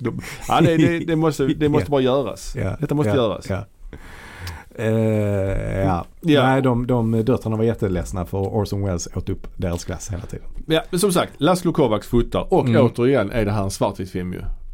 Ja, det är och det. Det är återigen så går ju Bogdanovich, Bogdanovich tillbaka i tiden. Den här gången går han tillbaka Mm. till depressionens 30-tal. det. Mm. Mm. eh, i eh, Kansas den här gången. Så Mm. han är, nu är han på landet igen helt Mm, enkelt. mm. Och Ryan O'Neill han spelar en lurendrejare och Kan småskojare som eh, det han håller på med är att han lurar nyblivna änkor att deras avlidne make har beställt en exklusiv bibel Mm. precis innan dennes bortgång. Ja precis, det är verkligen eh, han knackar på och säger ja, är, är Jack hemma? Nej Jack dog för två veckor sedan. Jaha, Mm. för han har beställt en bibel till Nancy. Ja det är ju jag. Ja det blir jättemycket pengar. Alltså det blir 10 Mm. Ja. dollar. Alltså det blir väldigt dyrt. Han är skrupelfri helt Ja, enkelt. så det han gör då är att han tittar igenom alla dödsannonser och så ser han vilka män som har gått bort och Mm. sen så fixar han då ihop en bibel eh, Ja. som han eh, så här, sätter en liten stämpel på och, och sådär och så går han fram och försöker sälja den till änkan då. Ja. Till ett ganska högt pris då. Och eh, filmen börjar då med att han besöker en begravning Just det. och där tvingas han eh, motvilligt ta hand om en liten flicka som han troligtvis är pappa till. Det får vi aldrig riktigt veta. Men Just det, just det. troligtvis så är han pappa till den här flickan. Just because someone met your ma in a bar don't make him your pa. Det var han säger. Alltså. ja, ja, Ja, precis. det är riktigt bra dialog i den här Ja, filmen. ja. Eh, och hans uppgift blir då att skjuts, skjutsa henne till hennes släktingar i St. Louis. Mm. Eh, flickan Addie då, hon är ju en street ma- smart eh, tjej. Mm. Och även lite av, hon har ärvt den här hustler-genen av sin pappa. Eh, så hon hjälper honom faktiskt att kränga biblar. För först smusslar han lite med det men, Ja. men eh, sen hjälper hon honom att eh, liksom kränga biblar till de här, Ja. till de här änkorna då. Och Ja, sen blir det, precis. sen så börjar de med mer och mer avancerade fiffel. Eh, till exempel så stjäler de en leverans whisky som de sen säljer tillbaka till den här langaren då. Eller smugglaren. Eh, som ju då spelas av Hillerman som, Ja. du, som du berättade Ja. om där ja. Och som är tagen av sheriffen som också spelas av Hillerman. Just det. Ja. Så att det här är ju en road movie om, Mm. eh, om en eh, far och dotter. Med en far och dotter också ju. Ja. Eh, och den är ju, det är ju verkligen en, ja det är en road movie och man, karaktärerna utvecklas under resans gång. De, de träffar ju Madeleine Kahns karaktär som är någon slags exotisk dansare kanske. Mm, ja, något, ja, sånt. något sånt är hon. Något sånt är hon. Ja. Och, och hänger med henne ett tag. Så Mm. det är i andra akten är hon med lite. Så det är lite olika, man kan säga att det är lite mindre liksom stories som sker Mm. under den Mm. här eh, roadtrippen Mm. helt enkelt. Mm. Och de kommer varandra närmre Mm. eh, alltså Ryan och Tatum då, deras Ja. karaktärer. Och sen eh, blir de ovänner och ja, det går fram och tillbaka. Ja, det går fram och tillbaka. Som i verkliga livet. Precis. Och ja, det här med Paper Moon också. Han var ju också tvungen att skriva in en scen i filmen med en pappersmåne. Ja. För att kunna kalla filmen för Paper. Moon. Det är en sekvens som är på något, något tivoli och där man kan bli fotograferad i en sån här pappersmåne. Mm. Mm. Och som sen blev då den, omslaget också till filmen ju. Mm. Eh, Eh, ja, ja, och som sagt så Polly Platt är med även på den här inspelningen. Mm. Eh, men denna gång så bråkar hon och Bogdanovich väldigt mycket och Mm. öppet också. Mm. Eh, så att Bogdanovich har eh, problem med det. Och, och en av anledningarna till att de bråkar det är att eh, precis som i den förra filmen så har Polly sagt att jag kan vara med på den här inspelningen men då Ja. får inte Sybil vara med. Nej just det. Så hon tvingar eh, bort Sybil. Liksom. Mm. Men sen så kommer det då fram att eh, Polly Platt själv då har en eh, romans med rekvisitören Mhm. på den här inspelningen. Som hon Mm. senare gifter sig med också. Ja, ja. Men, men eh, Polly Platt har ju inte någon vidare tur med män. För hon var ju gift en gång innan hon träffade Bogdanovich. Mhm. Och då dog ju hennes eh, man i en bilolycka. Mhm. Sen träffade hon Bogdanovich och så var de gifta i tio år ungefär. Mm. Sen så, ehm, ja det var ju inget bra sätt de skildes åt på egentligen. Nej, nej, nej. Men, men, men de har ju ändå alltid varit eh, vänskapliga med varandra eftersom Mm. de har fortsatt jobba. ja. Men sen så träffar hon då rekvisitören här som hon gifter sig med men han dör också ganska, alltså de är inte gifta så himla länge. Liksom. Ja, Eh, tråkigt. Han dör i någon slags sjukdom som jag inte riktigt vet. Och det Ja. man kan säga i övrigt om eh, hans eh, Bogdanovich eh, regimetod eh, här det är att det är inte riktigt samma som i Last Picture Show. För där ville han hela tiden för att ha hela tiden fräscha eh, vad ska man säga, alltså eh, performances av Mm, skådespelarna. mm. Så vill han inte ta så många tagningar. Men här gör han tvärtom. Här tar han upp till 25 tagningar och sånt av Mm. en och samma scen. Och det handlar mycket om att Tate, han tyckte det var svårt att få Tatum O'Neill att eh, leverera det han ville. Mm. Liksom. Så det är framförallt hon som får göra så horribelt många omtagningar. Liksom. Ja det är ju inte bara, det är ju inte vilka tagningar som helst utan det är ju rätt så många long takes också. Mm, Det är ju mm. en väldigt eh, lång tagning när de sitter i en bil och åker. Mm. Och den tog de ju 35 gånger eller sånt. De fick köra ja. tillbaks, backa tillbaks flera kilometer och Ja, börja om från ja, början. ja. Och, ja, det måste ju också tära på förhållandet far och dotterförhållandet liksom Mm. privat tänker jag. Mm. De är, har väl haft sina ups and downs privat tror jag på senare år. Jag alltså Ryan. O'Neill och Tate O'Neill, jag tror det. Mm. Hon gifte sig ju sen med John McEnroe ju. Tate Ja, O'Neill okej. Gick inte så bra för henne. Det är klassiskt Nej, jag så vet inte, faktiskt inte så mycket om Tate O'Neill. Alltså. Ja, hon gjorde ju, hon blev ju, var ju barnstjärna. Hon Mm. gjorde de här Bad News Bears-filmerna, de här baseballfilmerna. Ja, hon är med i dem. Ja, men sen så, jag tror det gick lite svajigt för henne. Alltså, Mm. hon som sagt gift sig med McEnroe. Kanske Mm. inte världens lättaste människa att leva med. eh, alltså, har hon varit hälsosam och så eller har det varit mycket droger och så? För det var ju väldigt vanligt bland barnstjärnor att det kom droger in i bilden tidigt. Ja, hon, även på senare år har hon haft problem. Ja, Så att ja. det, det tyvärr. Mm, mm. Eh, Ehm, ja, men ehm, jag tycker i alla fall att hon är fantastiskt bra i den här filmen och det är helt klart en välförtjänt Oscar. Eh, jag tycker nog att det är den bästa insatsen av en barnskådespelare som jag har sett eh, faktiskt. Om jag jämför. ja, det är, ja, det, det är absolut, den är up, there naturligtvis. Mm. Och eh, ja, hon vann ju Oscar för det. Så Mm. det är ju Mm. Nästan, Nej, jag- det är ju jag- nästan eh, objektivt. Jag tycker verkligen att det är en välförtjänt Oscar. Eh, Mm. Definitivt. Hon är, hon är verkligen eh, höjdpunkten med filmen. Så det är konstigt att inte Ryan O'Neill var nominerad överhuvudtaget alltså. Ja, För ja. han är också väldigt bra. Mm. Väldigt snabb Ja. och rapp. Ja men jag tycker att anledningen till att hon är bra är för att han är bra. Och, Ja, och tvärtom. Alltså de har ett jättebra samspel. Det är det som, och det är mycket det som gör filmen bra. Tycker jag. Och det är en rörande film. Det är en fin Ja, film ja. och, och den är, och återigen smart att välja, förlägga den tillbaka i tiden. Mm. Svartvit men ändå. Eh, det är ju en tidlös film som man Mm. kan se som inte alls har åldrats skulle jag Nej. säga. Finstämd och Ja. mysig. Alltså den, Ja. den, är, den är klockren Kanske den bästa filmen har gjort enligt mig. Men eh, jag. Mm. ja det är svårt. Det är ju tuff konkurrens. Ja, alltså Last Picture Show tycker jag är jättebra också. Så att det står mellan de två. Mm. Det är min, Ja. eh, min Ja men kanske. Ja kanske. Men alla de här fyra vi har sagt hittills är ju riktigt bra filmer alltså. Ja, ja. Så att det är, det är ju Det är ju verkligen eh, imponerande att inleda eh, sin karriär på det här sättet. Men det skulle ju gå lite sämre för Bogdanovic framöver. Så han följde ju upp den här filmen Paper Moon med filmen Daisy Miller som också var en Directors Company-film. Mm. Och där castade han ju då Sybil Shepherd.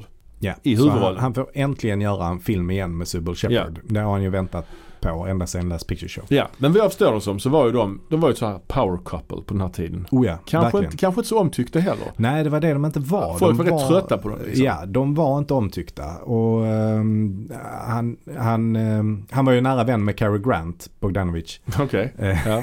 han, var, han var ju polare med alla som Ja, han skrivit gamla om. stötar, ja. ja. Ja, alltså Cary, Cary Grant eh, hade ju sagt det liksom att people don't love eh, beautiful people. Nej, just det. Eh, och, och det var ju det de var. Alltså Sybil Shepherd var uh, snygg och framgångsrik och samma sak med Bogdanovich. Ja, han var i alla fall framgångsrik. Nej, vad ska jag, ska säga? Nej, men visst, han var väl ingen Brad Pitt kanske. Men Nej, men Nej, han men det såg är- ändå eh, Jo, nej, bra absolut. ut liksom. absolut. Men ja, just att den här filmen kanske också fick extra dålig kritik på grund av att det var de som hade gjort den. Det fanns en illvilja mot dem som Ja. par. Man ville inte att det skulle gå bra för Nej. dem. Eh, jag har inte sett den här filmen ska jag ju säga. Nej, jag har inte sett den heller så det, egentligen så eh, behöver vi kanske inte säga sådär Nej. jättemycket om den. Men utspelar sig på 1800-talet i alla fall. ja, det är ett kostymdrama Ja. som eh, bygger på en eh, Henry James bok. Eh, Cloris Leachman är också med i den här Ja. faktiskt. Eh, Men den fick dåliga eh, recensioner. eh, Men de här recensionerna som sagt Mm. handlar ju också mycket om paret Bogdanovich Shepard. Ja. Eh, Och det följde, han, han följde upp det här då med ytterligare en katastrof. Eh, Ja. mus- musikalen At Long Last Love Just det. 1975. Och nu, nu är Directors Company upplöst kan man säga Ja. också. så nu, nu, är det, nu jobbar han för Fox istället och detta är ju då med Sybil Shepherd återigen Mm. men också Madeleine Kahn Mm. och Burt Reynolds. Just det. Och, detta Och Burt Reynolds var ju en av de stora stjärnorna. Det är kanske den största stjärnan vid den här tidpunkten. Ja, och han är också en sån egentligen när man tänker efter som hade en karriär som eh, verkligen blomstrade på 70-talet men som eh, fick pyspunka tidigt 80-tal och Ja, jag tror han klarade sig ändå lite bättre än Ryan O'Neill. För han, Oh ja, han gjorde oh ja. ju ändå rätt mycket filmer på 80-talet även om det inte var samma, av samma dignitet som Nej, nej, på 70-talet. Ja, han gjorde ju Cannibal Run i början av 80-talet i alla fall och han är ändå sån som folk vet vem det är på ett sätt liksom. ja, ja, han är precis. lite, lite grann en, liksom, en känd profil. Men den här filmen som jag heller inte har sett, vi har pratat om den tidigare, det är en sån här jukebox musik- musikal med Cole Porter musik liksom. Mm, Och mm. Det var ju intressant som sagt att många av de här regissörerna från New Hollywood gjorde såna här storslagna Old Hollywood-filmer helt plötsligt. Mm, Jag menar, mm. Scorsese gjorde ju New York, New York som Mm, då är ju mm. hans sämsta film. Mm, som mm. jag, av, de, av de jag har sett, jag har nog inte Mm. sett allt han har gjort men ja. Ehm, ja, och eh, problemet var väl lite också att Burt Reynolds och Sybil Shepherd sjunger själva i filmen. Men Ja. de är ju inte eh, sångare eller sångerskor liksom. Så att eh, det, det låter ju inte så bra alltid. Eh, och dessutom med, med många omtagningar och sånt där Mm. så blir ju inte direkt stämbanden bättre med tiden. Utan eh, de, de var rätt slitna efter den här filmen. Och den får dessutom horribla recensioner. Eh, bland annat så skrevs det att det var den mest perversa musikalen som någonsin gjorts. Mm.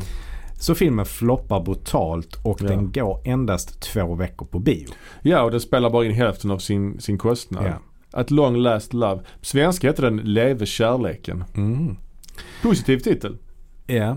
Eh, Bogdanovic eh, menar att det är hans mest personliga film som han har gjort. Eh, som handlar mycket om hans eget äktenskap och hur det är att slitas mellan kärleken till två kvinnor. Eh, Mm.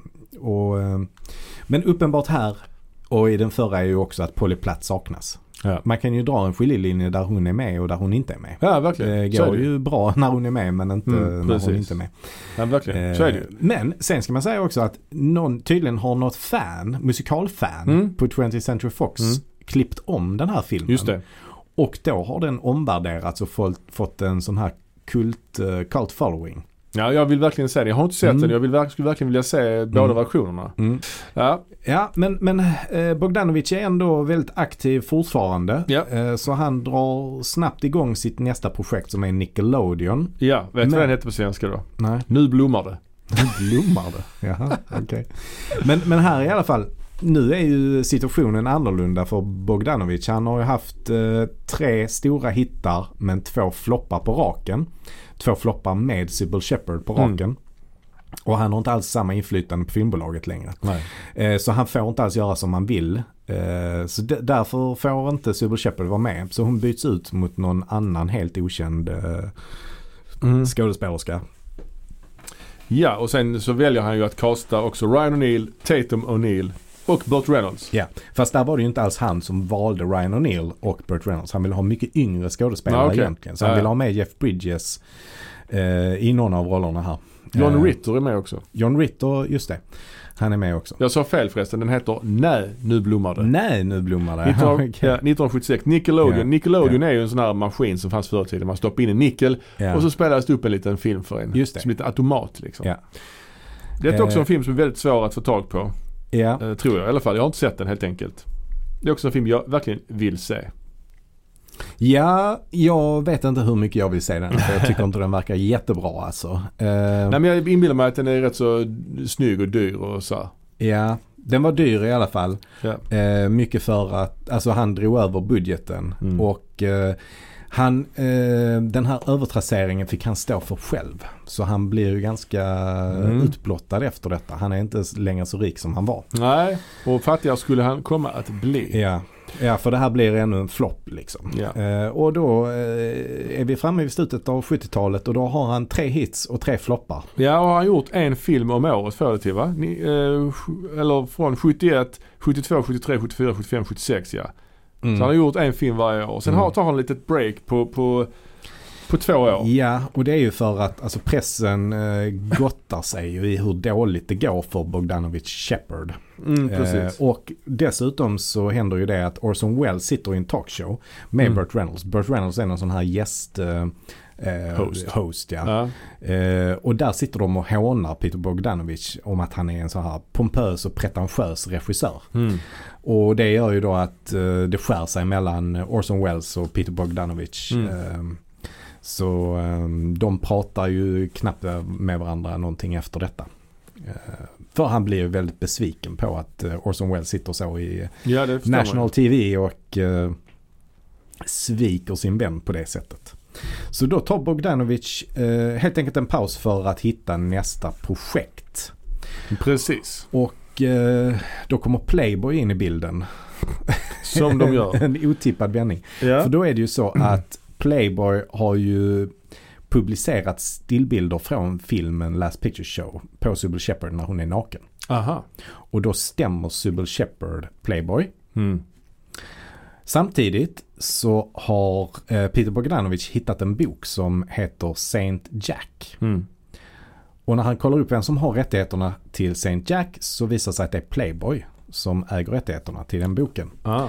Då gör eh, Sybil Shepherd en deal med Playboy att hon släpper stämningen om hon får rättigheterna. Eller att hon minskar liksom hennes skadeståndskrav Mm. eh, om de ger dem rättigheterna. Så då gör de den dealen och då har han helt plötsligt rättigheterna till boken Saint Jack. Och det är en bok som handlar om en hallick eh, Ja. i Singapore. Ja, så det här är ju radikalt annorlunda än något annat Mm. han har gjort. Mm. Vad ska man säga. Nej, det är huvudrollen spelas av Ben Gazzara. Ja. Eh, jag har ju inte sett den här heller alltså. Det är Nej, också som är rätt sett den. obskyra filmer. Eller Mm. rätt svåra att hitta liksom. Ja, nej den, den är, verkar vara mer eller mindre omöjlig att få tag på. Men det är en, en ganska hyllad film i alla fall. Eh, fick bra kritik eh, när den kom. Mm. Men den fick inte så bred eh, distribution så det var inte så många som såg den. Nej, det känns ju som en mindre film. Ja. Liksom. Lite indie sådär liksom. Men i alla fall, Peter Bogdanovich spenderar ju sex månader i Singapore för att spela in den här filmen. Mm. Och det sliter ju såklart på relationen med Shepard. Ja.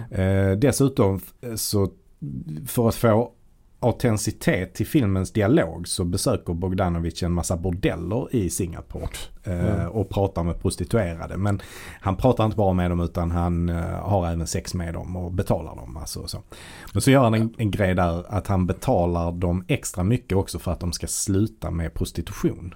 Jaha. Eh, Det är en... eh, Hur mycket betalar han då? Ja, det, Så, det, det förtäljer, förtäljer inte historien. Men Nej. han har väl ändå en del pengar antar jag. Liksom, så Ja. han kan betala dem. Och sen så kanske det inte krävdes eh, så stora summor för att de skulle jag kan tänka mig att de inte eh, ja, tog så mycket betalt liksom. Ja, det är ett märkligt, eh, ja, det är märkligt eh, Ja, på många, ja. så många sätt tveksamt. eh, så Ja. jag vet inte. Men och sen så mm, inleder han då en relation också med huvudrollsinnehavaren i den här filmen.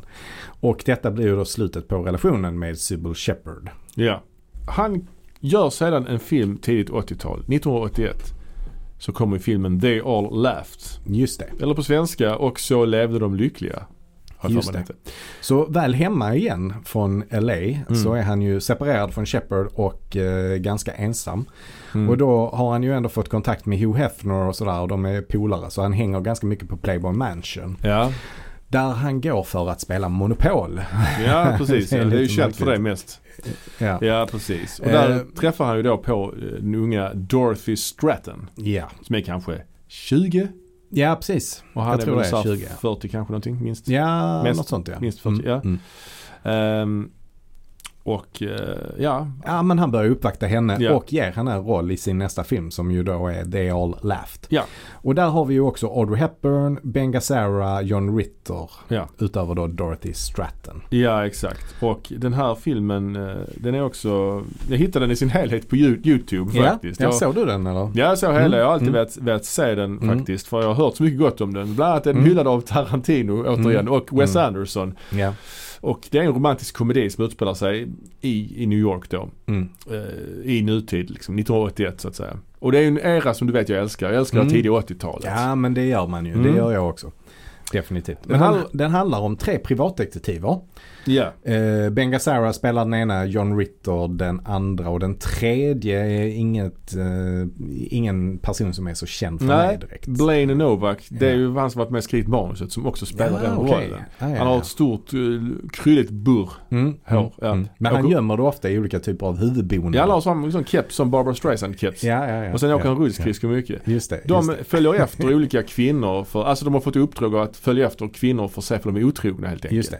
Ja. Och så blir de då förälskade i, i alla fall två av de här deckarna. John Mm, Ritter och mm. Gazzara blir då intresserade av de här kvinnorna som Mm. de har fått i uppdrag av att förfölja. Just det. Och det intressanta här är ju att Bogdanovich han valde ju att han gjorde ju ingen research på hur detektiver arbetade. Alltså, så att, eh, för han ville, han ville egentligen liksom göra en film om kärlek och förhållanden och Ja. ville liksom ha det i, iklädd någon slags deckarhistoria. Ja, ja. Men det känns ju inte som en deckare överhuvudtaget. Nej. Överhuvudtaget. Nej, nej, nej. Nej, nej Då- det känns ju bara pajigt så som Folk- de håller på. De Folk bara går omkring lite grann och, och snackar lite och Ja men det är så fult när de ska eh, följa efter, särskilt John Ritter när han ska följa efter eh, Dorothy Stratton. Liksom. Mm, alltså så här, gömma sig bakom en sån tidning. Alltså det, är- det är bara, Ja det är lite så. eh, det är ju bara pajigt alltså. Och. John Ritter är ju också dessutom, ska väl föreställa Bogdanovich själv. För att han har Aha. exakt de glasögon som Bogdanovich hade. De Ja. här stora Ja, glasögonen. Så han är Ja. ju lite, det väl, speglar väl honom då liksom, på något Mm. sätt. Ehm, men den här filmen räknas ju lite grann som en av de här filmerna som som sänkte The New Hollywood liksom. Eh, Gör det? Ja men lite så. Det var precis i den eran också kring Mm. Heaven's Gate också. Så det Mm, gav väl mm. liksom ytterligare, eh, Mm. liksom, Mm. vad ska man säga, vatten på kvarnen på, på, för de som tyckte att New Hollywood var över så att Mm. säga. Eh, vad kan jag mer säga? Detta är väl Audrey Hepburns sista stora filmroll. Hon gjorde Ja, väl endast en, ett framträdande till. Hon är ju med och gör en cameo i eh, Spielbergs eh, Always. Aha, typ okej. 88 kanske. Ja, ja. Men detta är hennes sista. Hon dog ju där 93 kanske något sånt. Mm. Mm. Eh, och det sjuka med henne här, hon är ju superkänd naturligtvis. Mm. En stor Mm. filmstjärna. Men första timmen är hon knappt med i Nej, filmen. nej, nej, Alltså man, man ser, ser- henne, man ser ser henne på avstånd. Ja, hon har inga repliker och ingenting liksom. Så det tar ju jättelång tid innan hon ens är med i filmen på Mm. riktigt liksom. Nej men jag har svårt att förstå storheten med detta. Alltså vad är det Tarantino och Wes Anderson ser här som jag inte ser liksom? Ja men det är lite så lustig dialog ibland. Det är liksom skön hangout-film Mm. kanske. Men som sagt det är ju jättekonstigt beteende på allihopa. Alla, Mm. alla på det här detektivkontoret känns Mm. ju helt oseriöst och Ja. sekreteraren har ett förhållande med chefen där och Mm. Mm. Lite så onödiga sidostories. Mm. Eh, det känns lite som en Woody Allen-film på vissa sätt fast inte Mm. alls lika eh, träffsäker dialog och så ju. Mm. Utan lite Jag kan i och för sig tycka att den här kvinnliga taxichauffören som är med. Ja. Eh, vad heter den skådisen? Hon är, har ju gjort lite mer och hon kommer ju sen att gifta sig med Keith Richards. Ja. Patty Hansen. Patty Hansen, ja. Ehm, ja men hennes karaktär är ändå lite annorlunda. Alltså också en sån street smart. eh, Hon har också keps. Ja hon har också keps är, ja. men det är ja. så eh, Barbara Streisand-figuren Ja, ja. där Fast hon är mycket tuffare. ju. Ja det är hon ju. Alltså. Men det, jag fattar inte riktigt. Hon hänger och bor hos Ben Gazzara lite grann. Men hon Mm. är inte ihop så ju. Nej, nej. Nej, först sen så trodde jag det var hon som var Dorothy Ja, Stratton. tror jag också. Ja. För de är rätt lika ju. Ja, ja. Hon heter Deb- Deborah men han kallar henne för Sam. Just det. Oklart varför. Ja, ja. Ehm, sen är det också en annan intressant grej. Det utspelar sig i New York, ju Manhattan liksom. Mm. Men det är jättemycket countrymusik i den här filmen. Mhm. Hela tiden countrymusik. Det är också, ger också en väldigt konstig, eh, det är någon clash där liksom. Ja, det en det sinnesstämning när man ser det liksom. Frank Sinatra musik också. New York, New York är ju med i filmen till exempel. Just det. Just det. Men Så det är som det. hände då, det som är tragiska i det här sammanhanget då ju att Förutom att filmen tappar jättemycket i tredje akten. Ja. Alltså den tappar ju jättemycket i tempo och in, den blir mindre intressant ju, allt eftersom den fortgår tycker Mm. jag. Mm. Så är det ju så att eh, innan den här filmen släpptes så blev ju Dorothy Stratton mördad Mm. av sin före detta man. Eller de var väl gifta fortfarande på pappret kanske? Ja, så var det. De, eh, de var gifta fortfarande men de var ju separerade. Det var ju uttalat från bådas håll att de var separerade. Ja. Så egentligen anledningen till att hon blev mördad av eh, sin man då, Paul Snyder, det var ju inte någon, eh, att han var sur på henne för någon otrohet eller så. Nej. Utan det det handlade om var egentligen att när, de, när filmen inspelades så och Peter och Dorothy verkligen är ett uttalat par. Ja. Så är de tillbaka i LA och de blir inbjudna till Playboy Mansion. Ja. För Dorothy är ju fortfarande Playmate of the Year så Hugh Hefner förväntar sig att hon ska vara där. Ja. Men de är helt ointresserade av att gå dit. De, de är inte eh, liksom så, de vill bara vara med varandra och sådär och de är inte så de tycker inte det är så kul att gå på de där partysen längre. ja Bogdanovich gillar väl inte Hefner heller tror jag. Nej så kan Jag det tror, vara. jag tror han Ja. kallar honom för hallick och så vidare. Ja, men det kan ha varit senare. Ja det var nog senare Ja, kanske. ja. Ja. I alla fall så tackar de nej till att komma på den här festen och då frågar, då ringer Hugh Hefner upp Mm. och han tror att anledningen till att de tackar nej det är att eh, hennes man Paul Snyder också är på de här festerna och att Bogdanovich har problem med det och inte vill träffa Mm. honom. Mm. Eh, det är ju inte långsökt att tänka det eftersom nej, nej. de fortfarande är gifta och alltså. Eh, och det gör då att eh, Hugh Hefner portar Paul Snyder från de här festerna. Mm. Och Paul Snyder, eh, han, eh, han ser ju detta som sin claim to fame. Att han kan gå på de här festerna och det är där han ska Mm. Alltså han, han gillar verkligen det. Men det, det gör ju då att han, han, eh, det skapar en stor ilska hos honom och det leder då till att han eh, skjuter Dorothy Stratton och sen skjuter han sig själv också. Ja. Ehm, och efter det här så blir det ju massvis med skriverier Mm. eh, kring detta. Och ehm, eh, han är ju helt förstörd, Peter Bogdanovich, eh, såklart. Efter Ja. att det här har hänt. Eh, han skriver en, ehm, i, i, eh, i ett syfte att eh, komma över det så skriver han en lång artikel om det. Samtidigt så, så skrivs det en bok tror jag. Han skriver en bok också, The Killing Ja. of the Unicorn tror jag den heter. tar är det en bok kanske? Ja. ja, ja. Men också framförallt begår han ju också misstaget att han eh, eftersom filmen går dåligt, de vill inte släppa den eh, wide. Mm.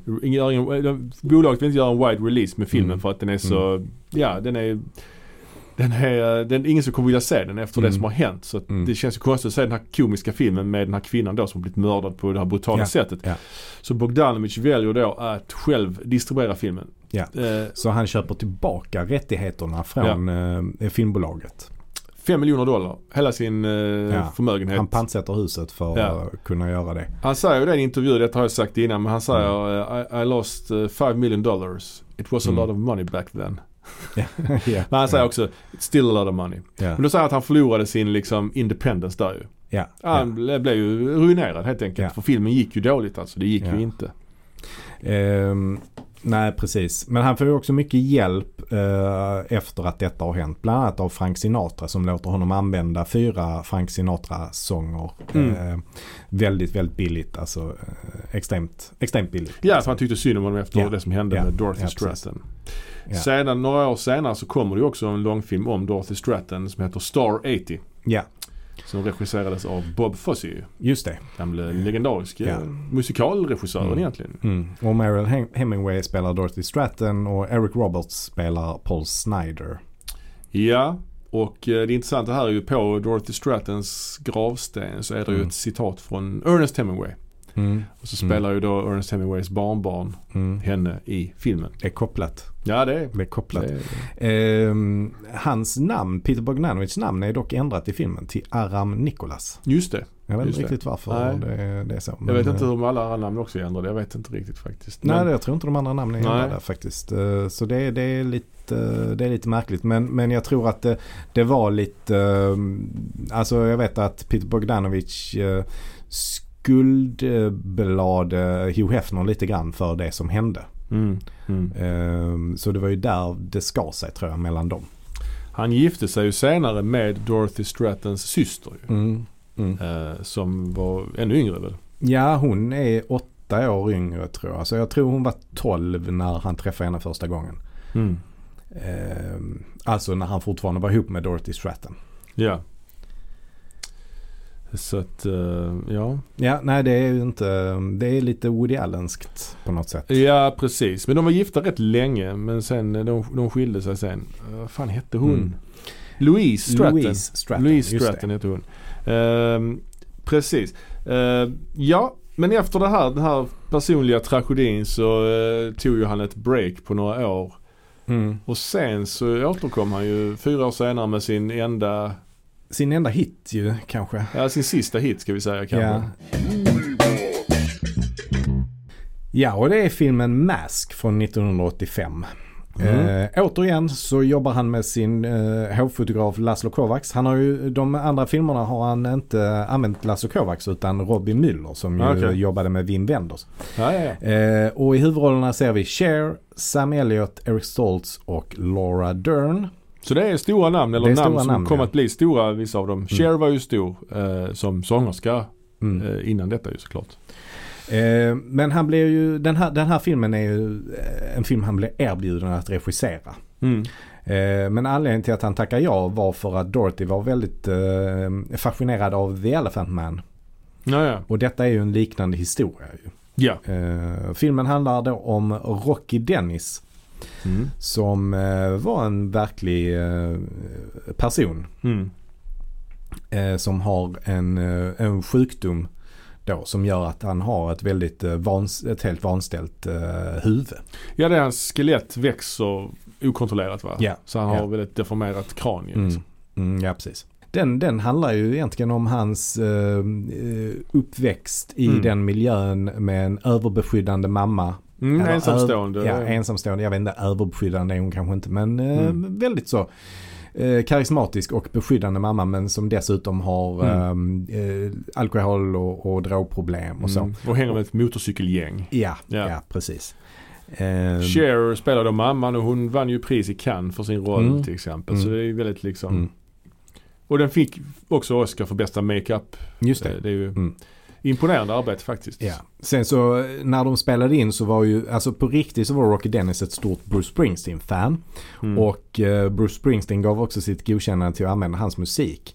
Men sen så bytte bolaget ut Bruce mot eh, Bob Seger. Mhm. Ehm, och då blev, f- trots att den blev en stor succé och vann priser och allting sånt. Så, så är Bogdanovich eh, på, på sin, sin vana trogen negativ och så här.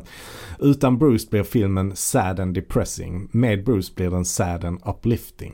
Hmm. Eh, Så han var ju jättenegativ till det här och sa att det här kunde varit en mycket bättre film. Trots att alla ändå tyckte att den var bra. Mm, alltså, ja. Så är det ju typiskt att han fokuserar på det negativa.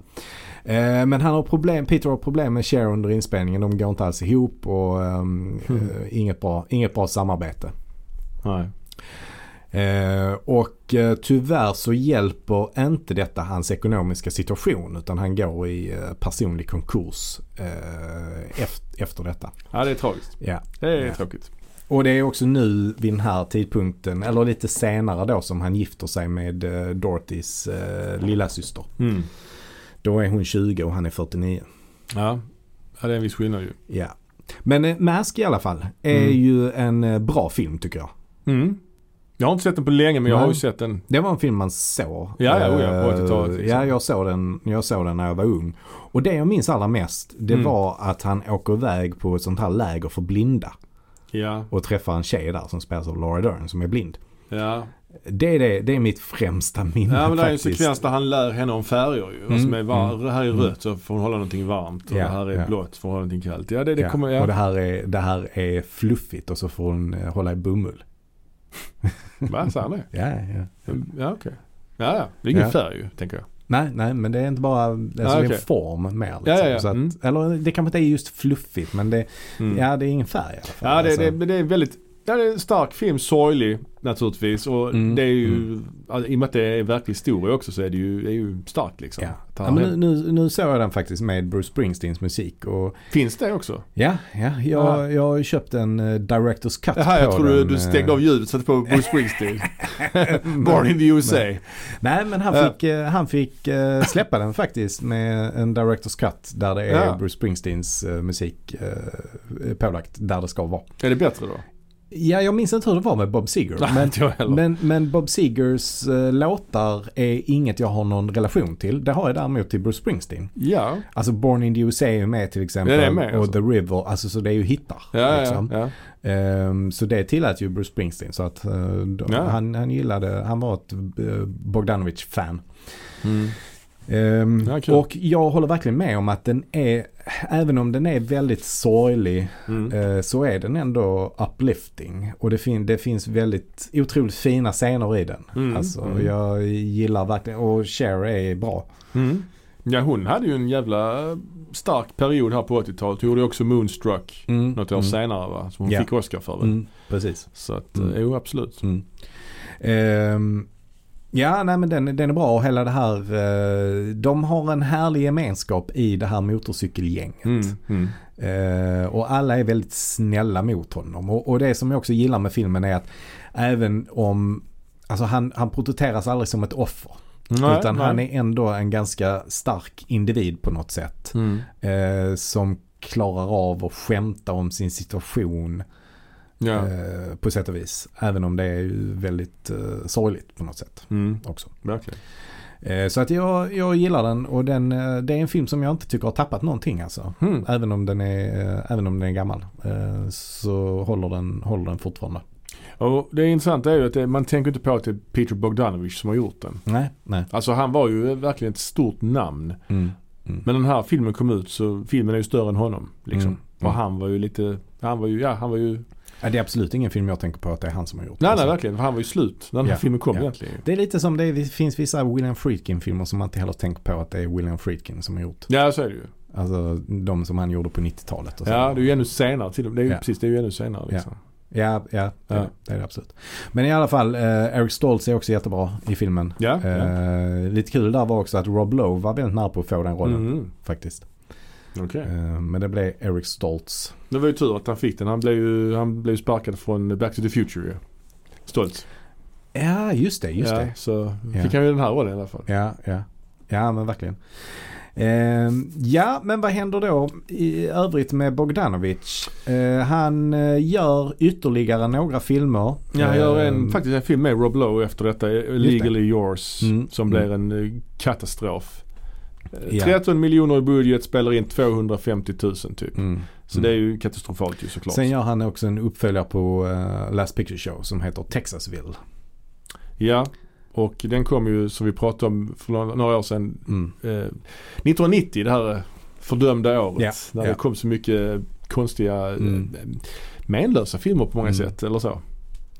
Ja, det är ditt hatår. Nej, kanske inte. Det kom några bra grejer också. Ja. Gremlins 2 till exempel. Ja. Ja, men det är en konstig film. Men det är konstigt, alltså det, detta är väl, jag vet inte, är detta en act of desperation? Att försöka eh, liksom rida på vågen och försöka Mm. liksom, Ja, men det känns väl så mer eller mindre. Mm. Men, men det är ändå intressant för att eh, eh, alltså alla skådespelarna återvänder ju till den här filmen. Ja, Eh, ja. Kanske inte exakt alla men eh, de stora namnen återvänder ju. Ja. Och, och Polly Platt har också varit involverad i den lite grann. Så att även om hon inte får någon cred för något särskilt så får hon ett eh, special thanks liksom i eftertexterna.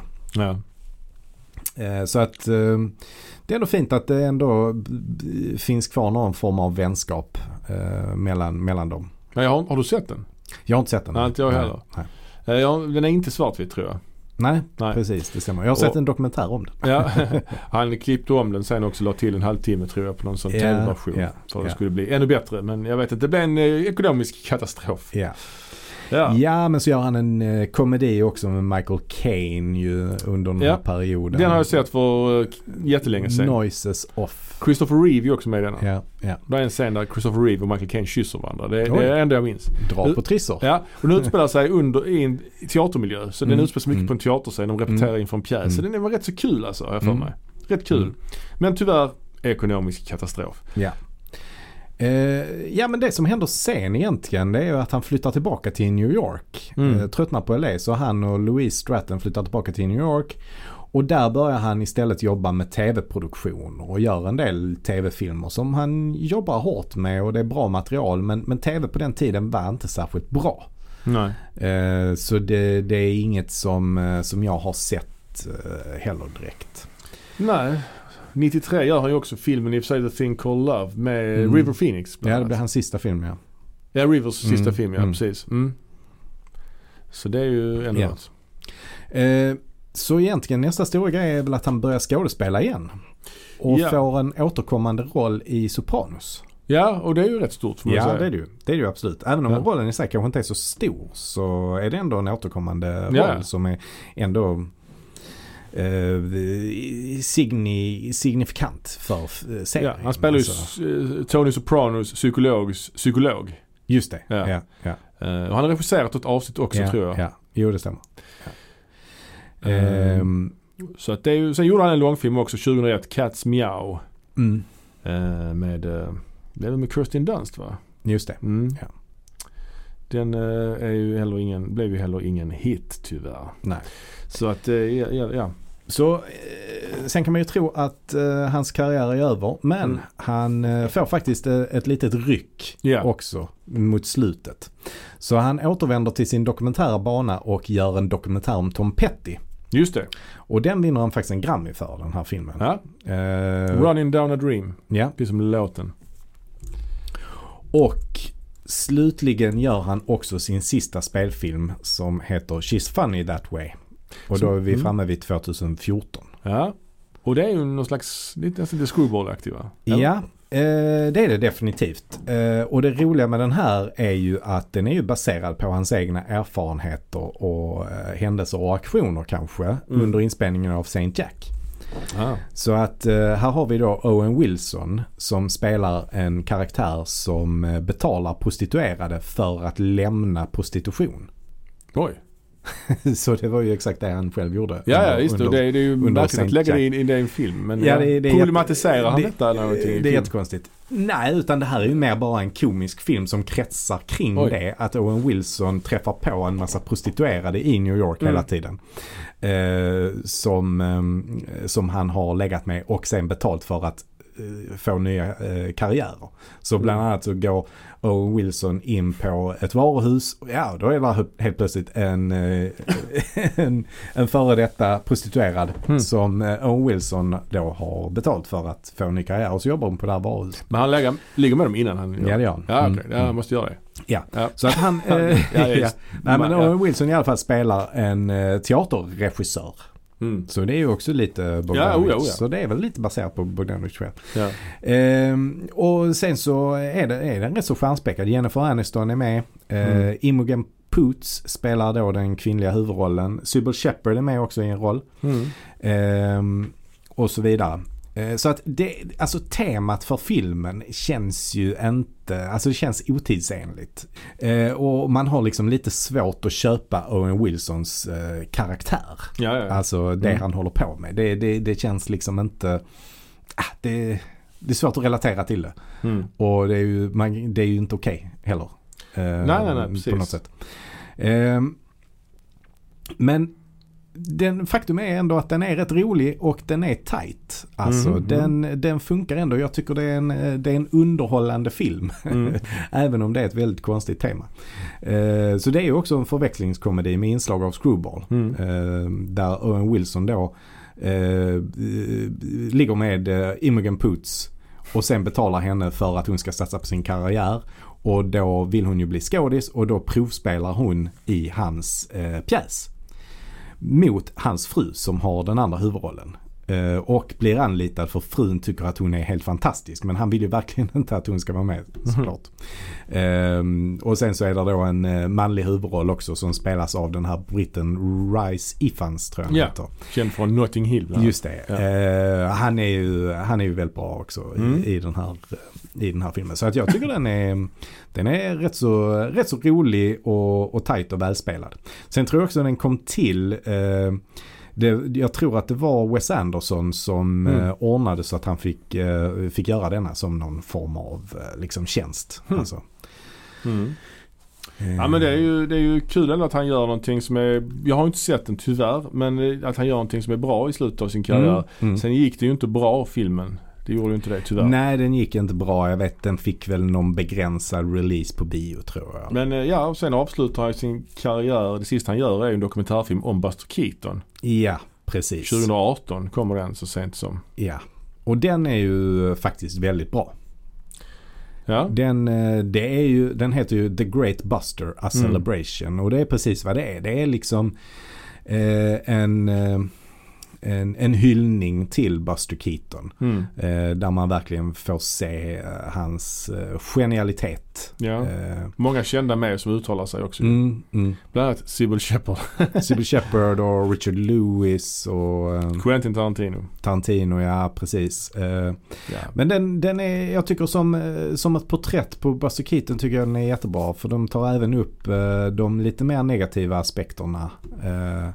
Och Mm. hans eh, problem liksom. Så den är inte bara helt enkelspårig. Nej. Eh, men vä- väldigt intressant särskilt om man är intresserad liksom av eh, Hollywood som det var på den tiden. Och, och Buster Keatons öde. Det var, Mm. det var, han blev ju inte bra behandlad av filmbolagen. Nej, han hade ju en otroligt stor glansperiod på 20-talet. Mm. Där han gjorde riktiga klassiker. Men, men sen så eh, gick det ju inte bra för honom och han fick heller ingenting att säga till om. Så att det, är ju kanske lite grann en spegling av Bogdanovich egen karriär. Ja.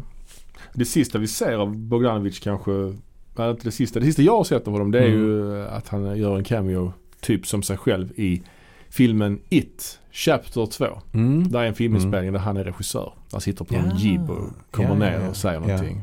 De, Ja, jag har faktiskt inte sett tvåan. de kallar honom för Peter också så det är Ja, kul. okej. Ja.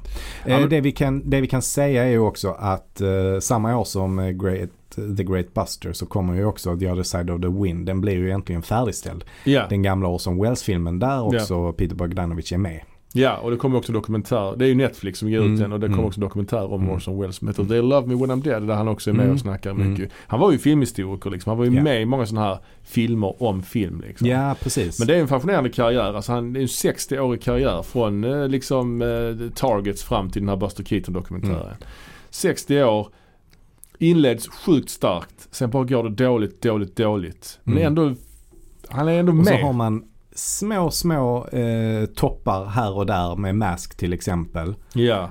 Och djupa personliga tragedier ju med Dorothy Stratton. Mm.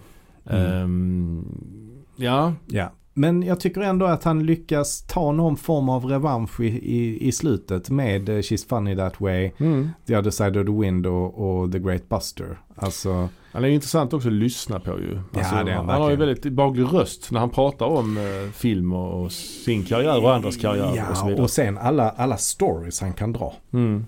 Och allt han, och jag ska också komma ihåg, det har vi inte pratat om heller, han tackar ju nej till väldigt mycket projekt han kunde ha gjort Mm. under 70-talet. Mm. Han sa ju det, att John Ford sa ju det att make one for, for them and one for you. Mm. Liksom. Mm. Men han gjorde ju ingen film för bolagets skull. Utan han gjorde bara filmer för egen skull. Han hade ju ingen koll på, han planerade ju sin karriär dåligt. Och det sa han ju Mm. själv. Att han Mm. blev erbjuden att både göra Chinatown, Exorcisten Mm. och Gudfadern.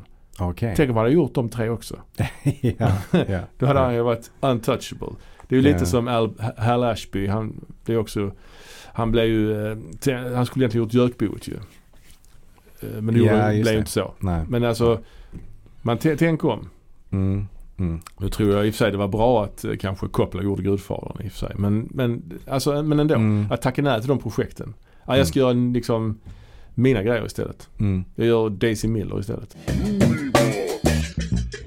Som sagt, det är ett intressant, det är alltid intressant att se hur en karriär en karriär utvecklas, hur, hur uppgången och fallet och comebacken eventuellt. Här blev det inte mycket till comeback i och för sig men det är, Nej, men han slu- avslutar ändå på topp på något sätt. ja på något sätt. Eller inte på topp, men han avslutar i alla fall inte eh, liggandes på rygg. Nej, nej och, eh, men däremot så inleder han ju med en, o, en oerhörd inledning på en karriär som, Ja. som och, vi rekommenderar ju alla att se hans fyra första filmer i alla fall. Mm. De är ju jätte, jättebra. Mm.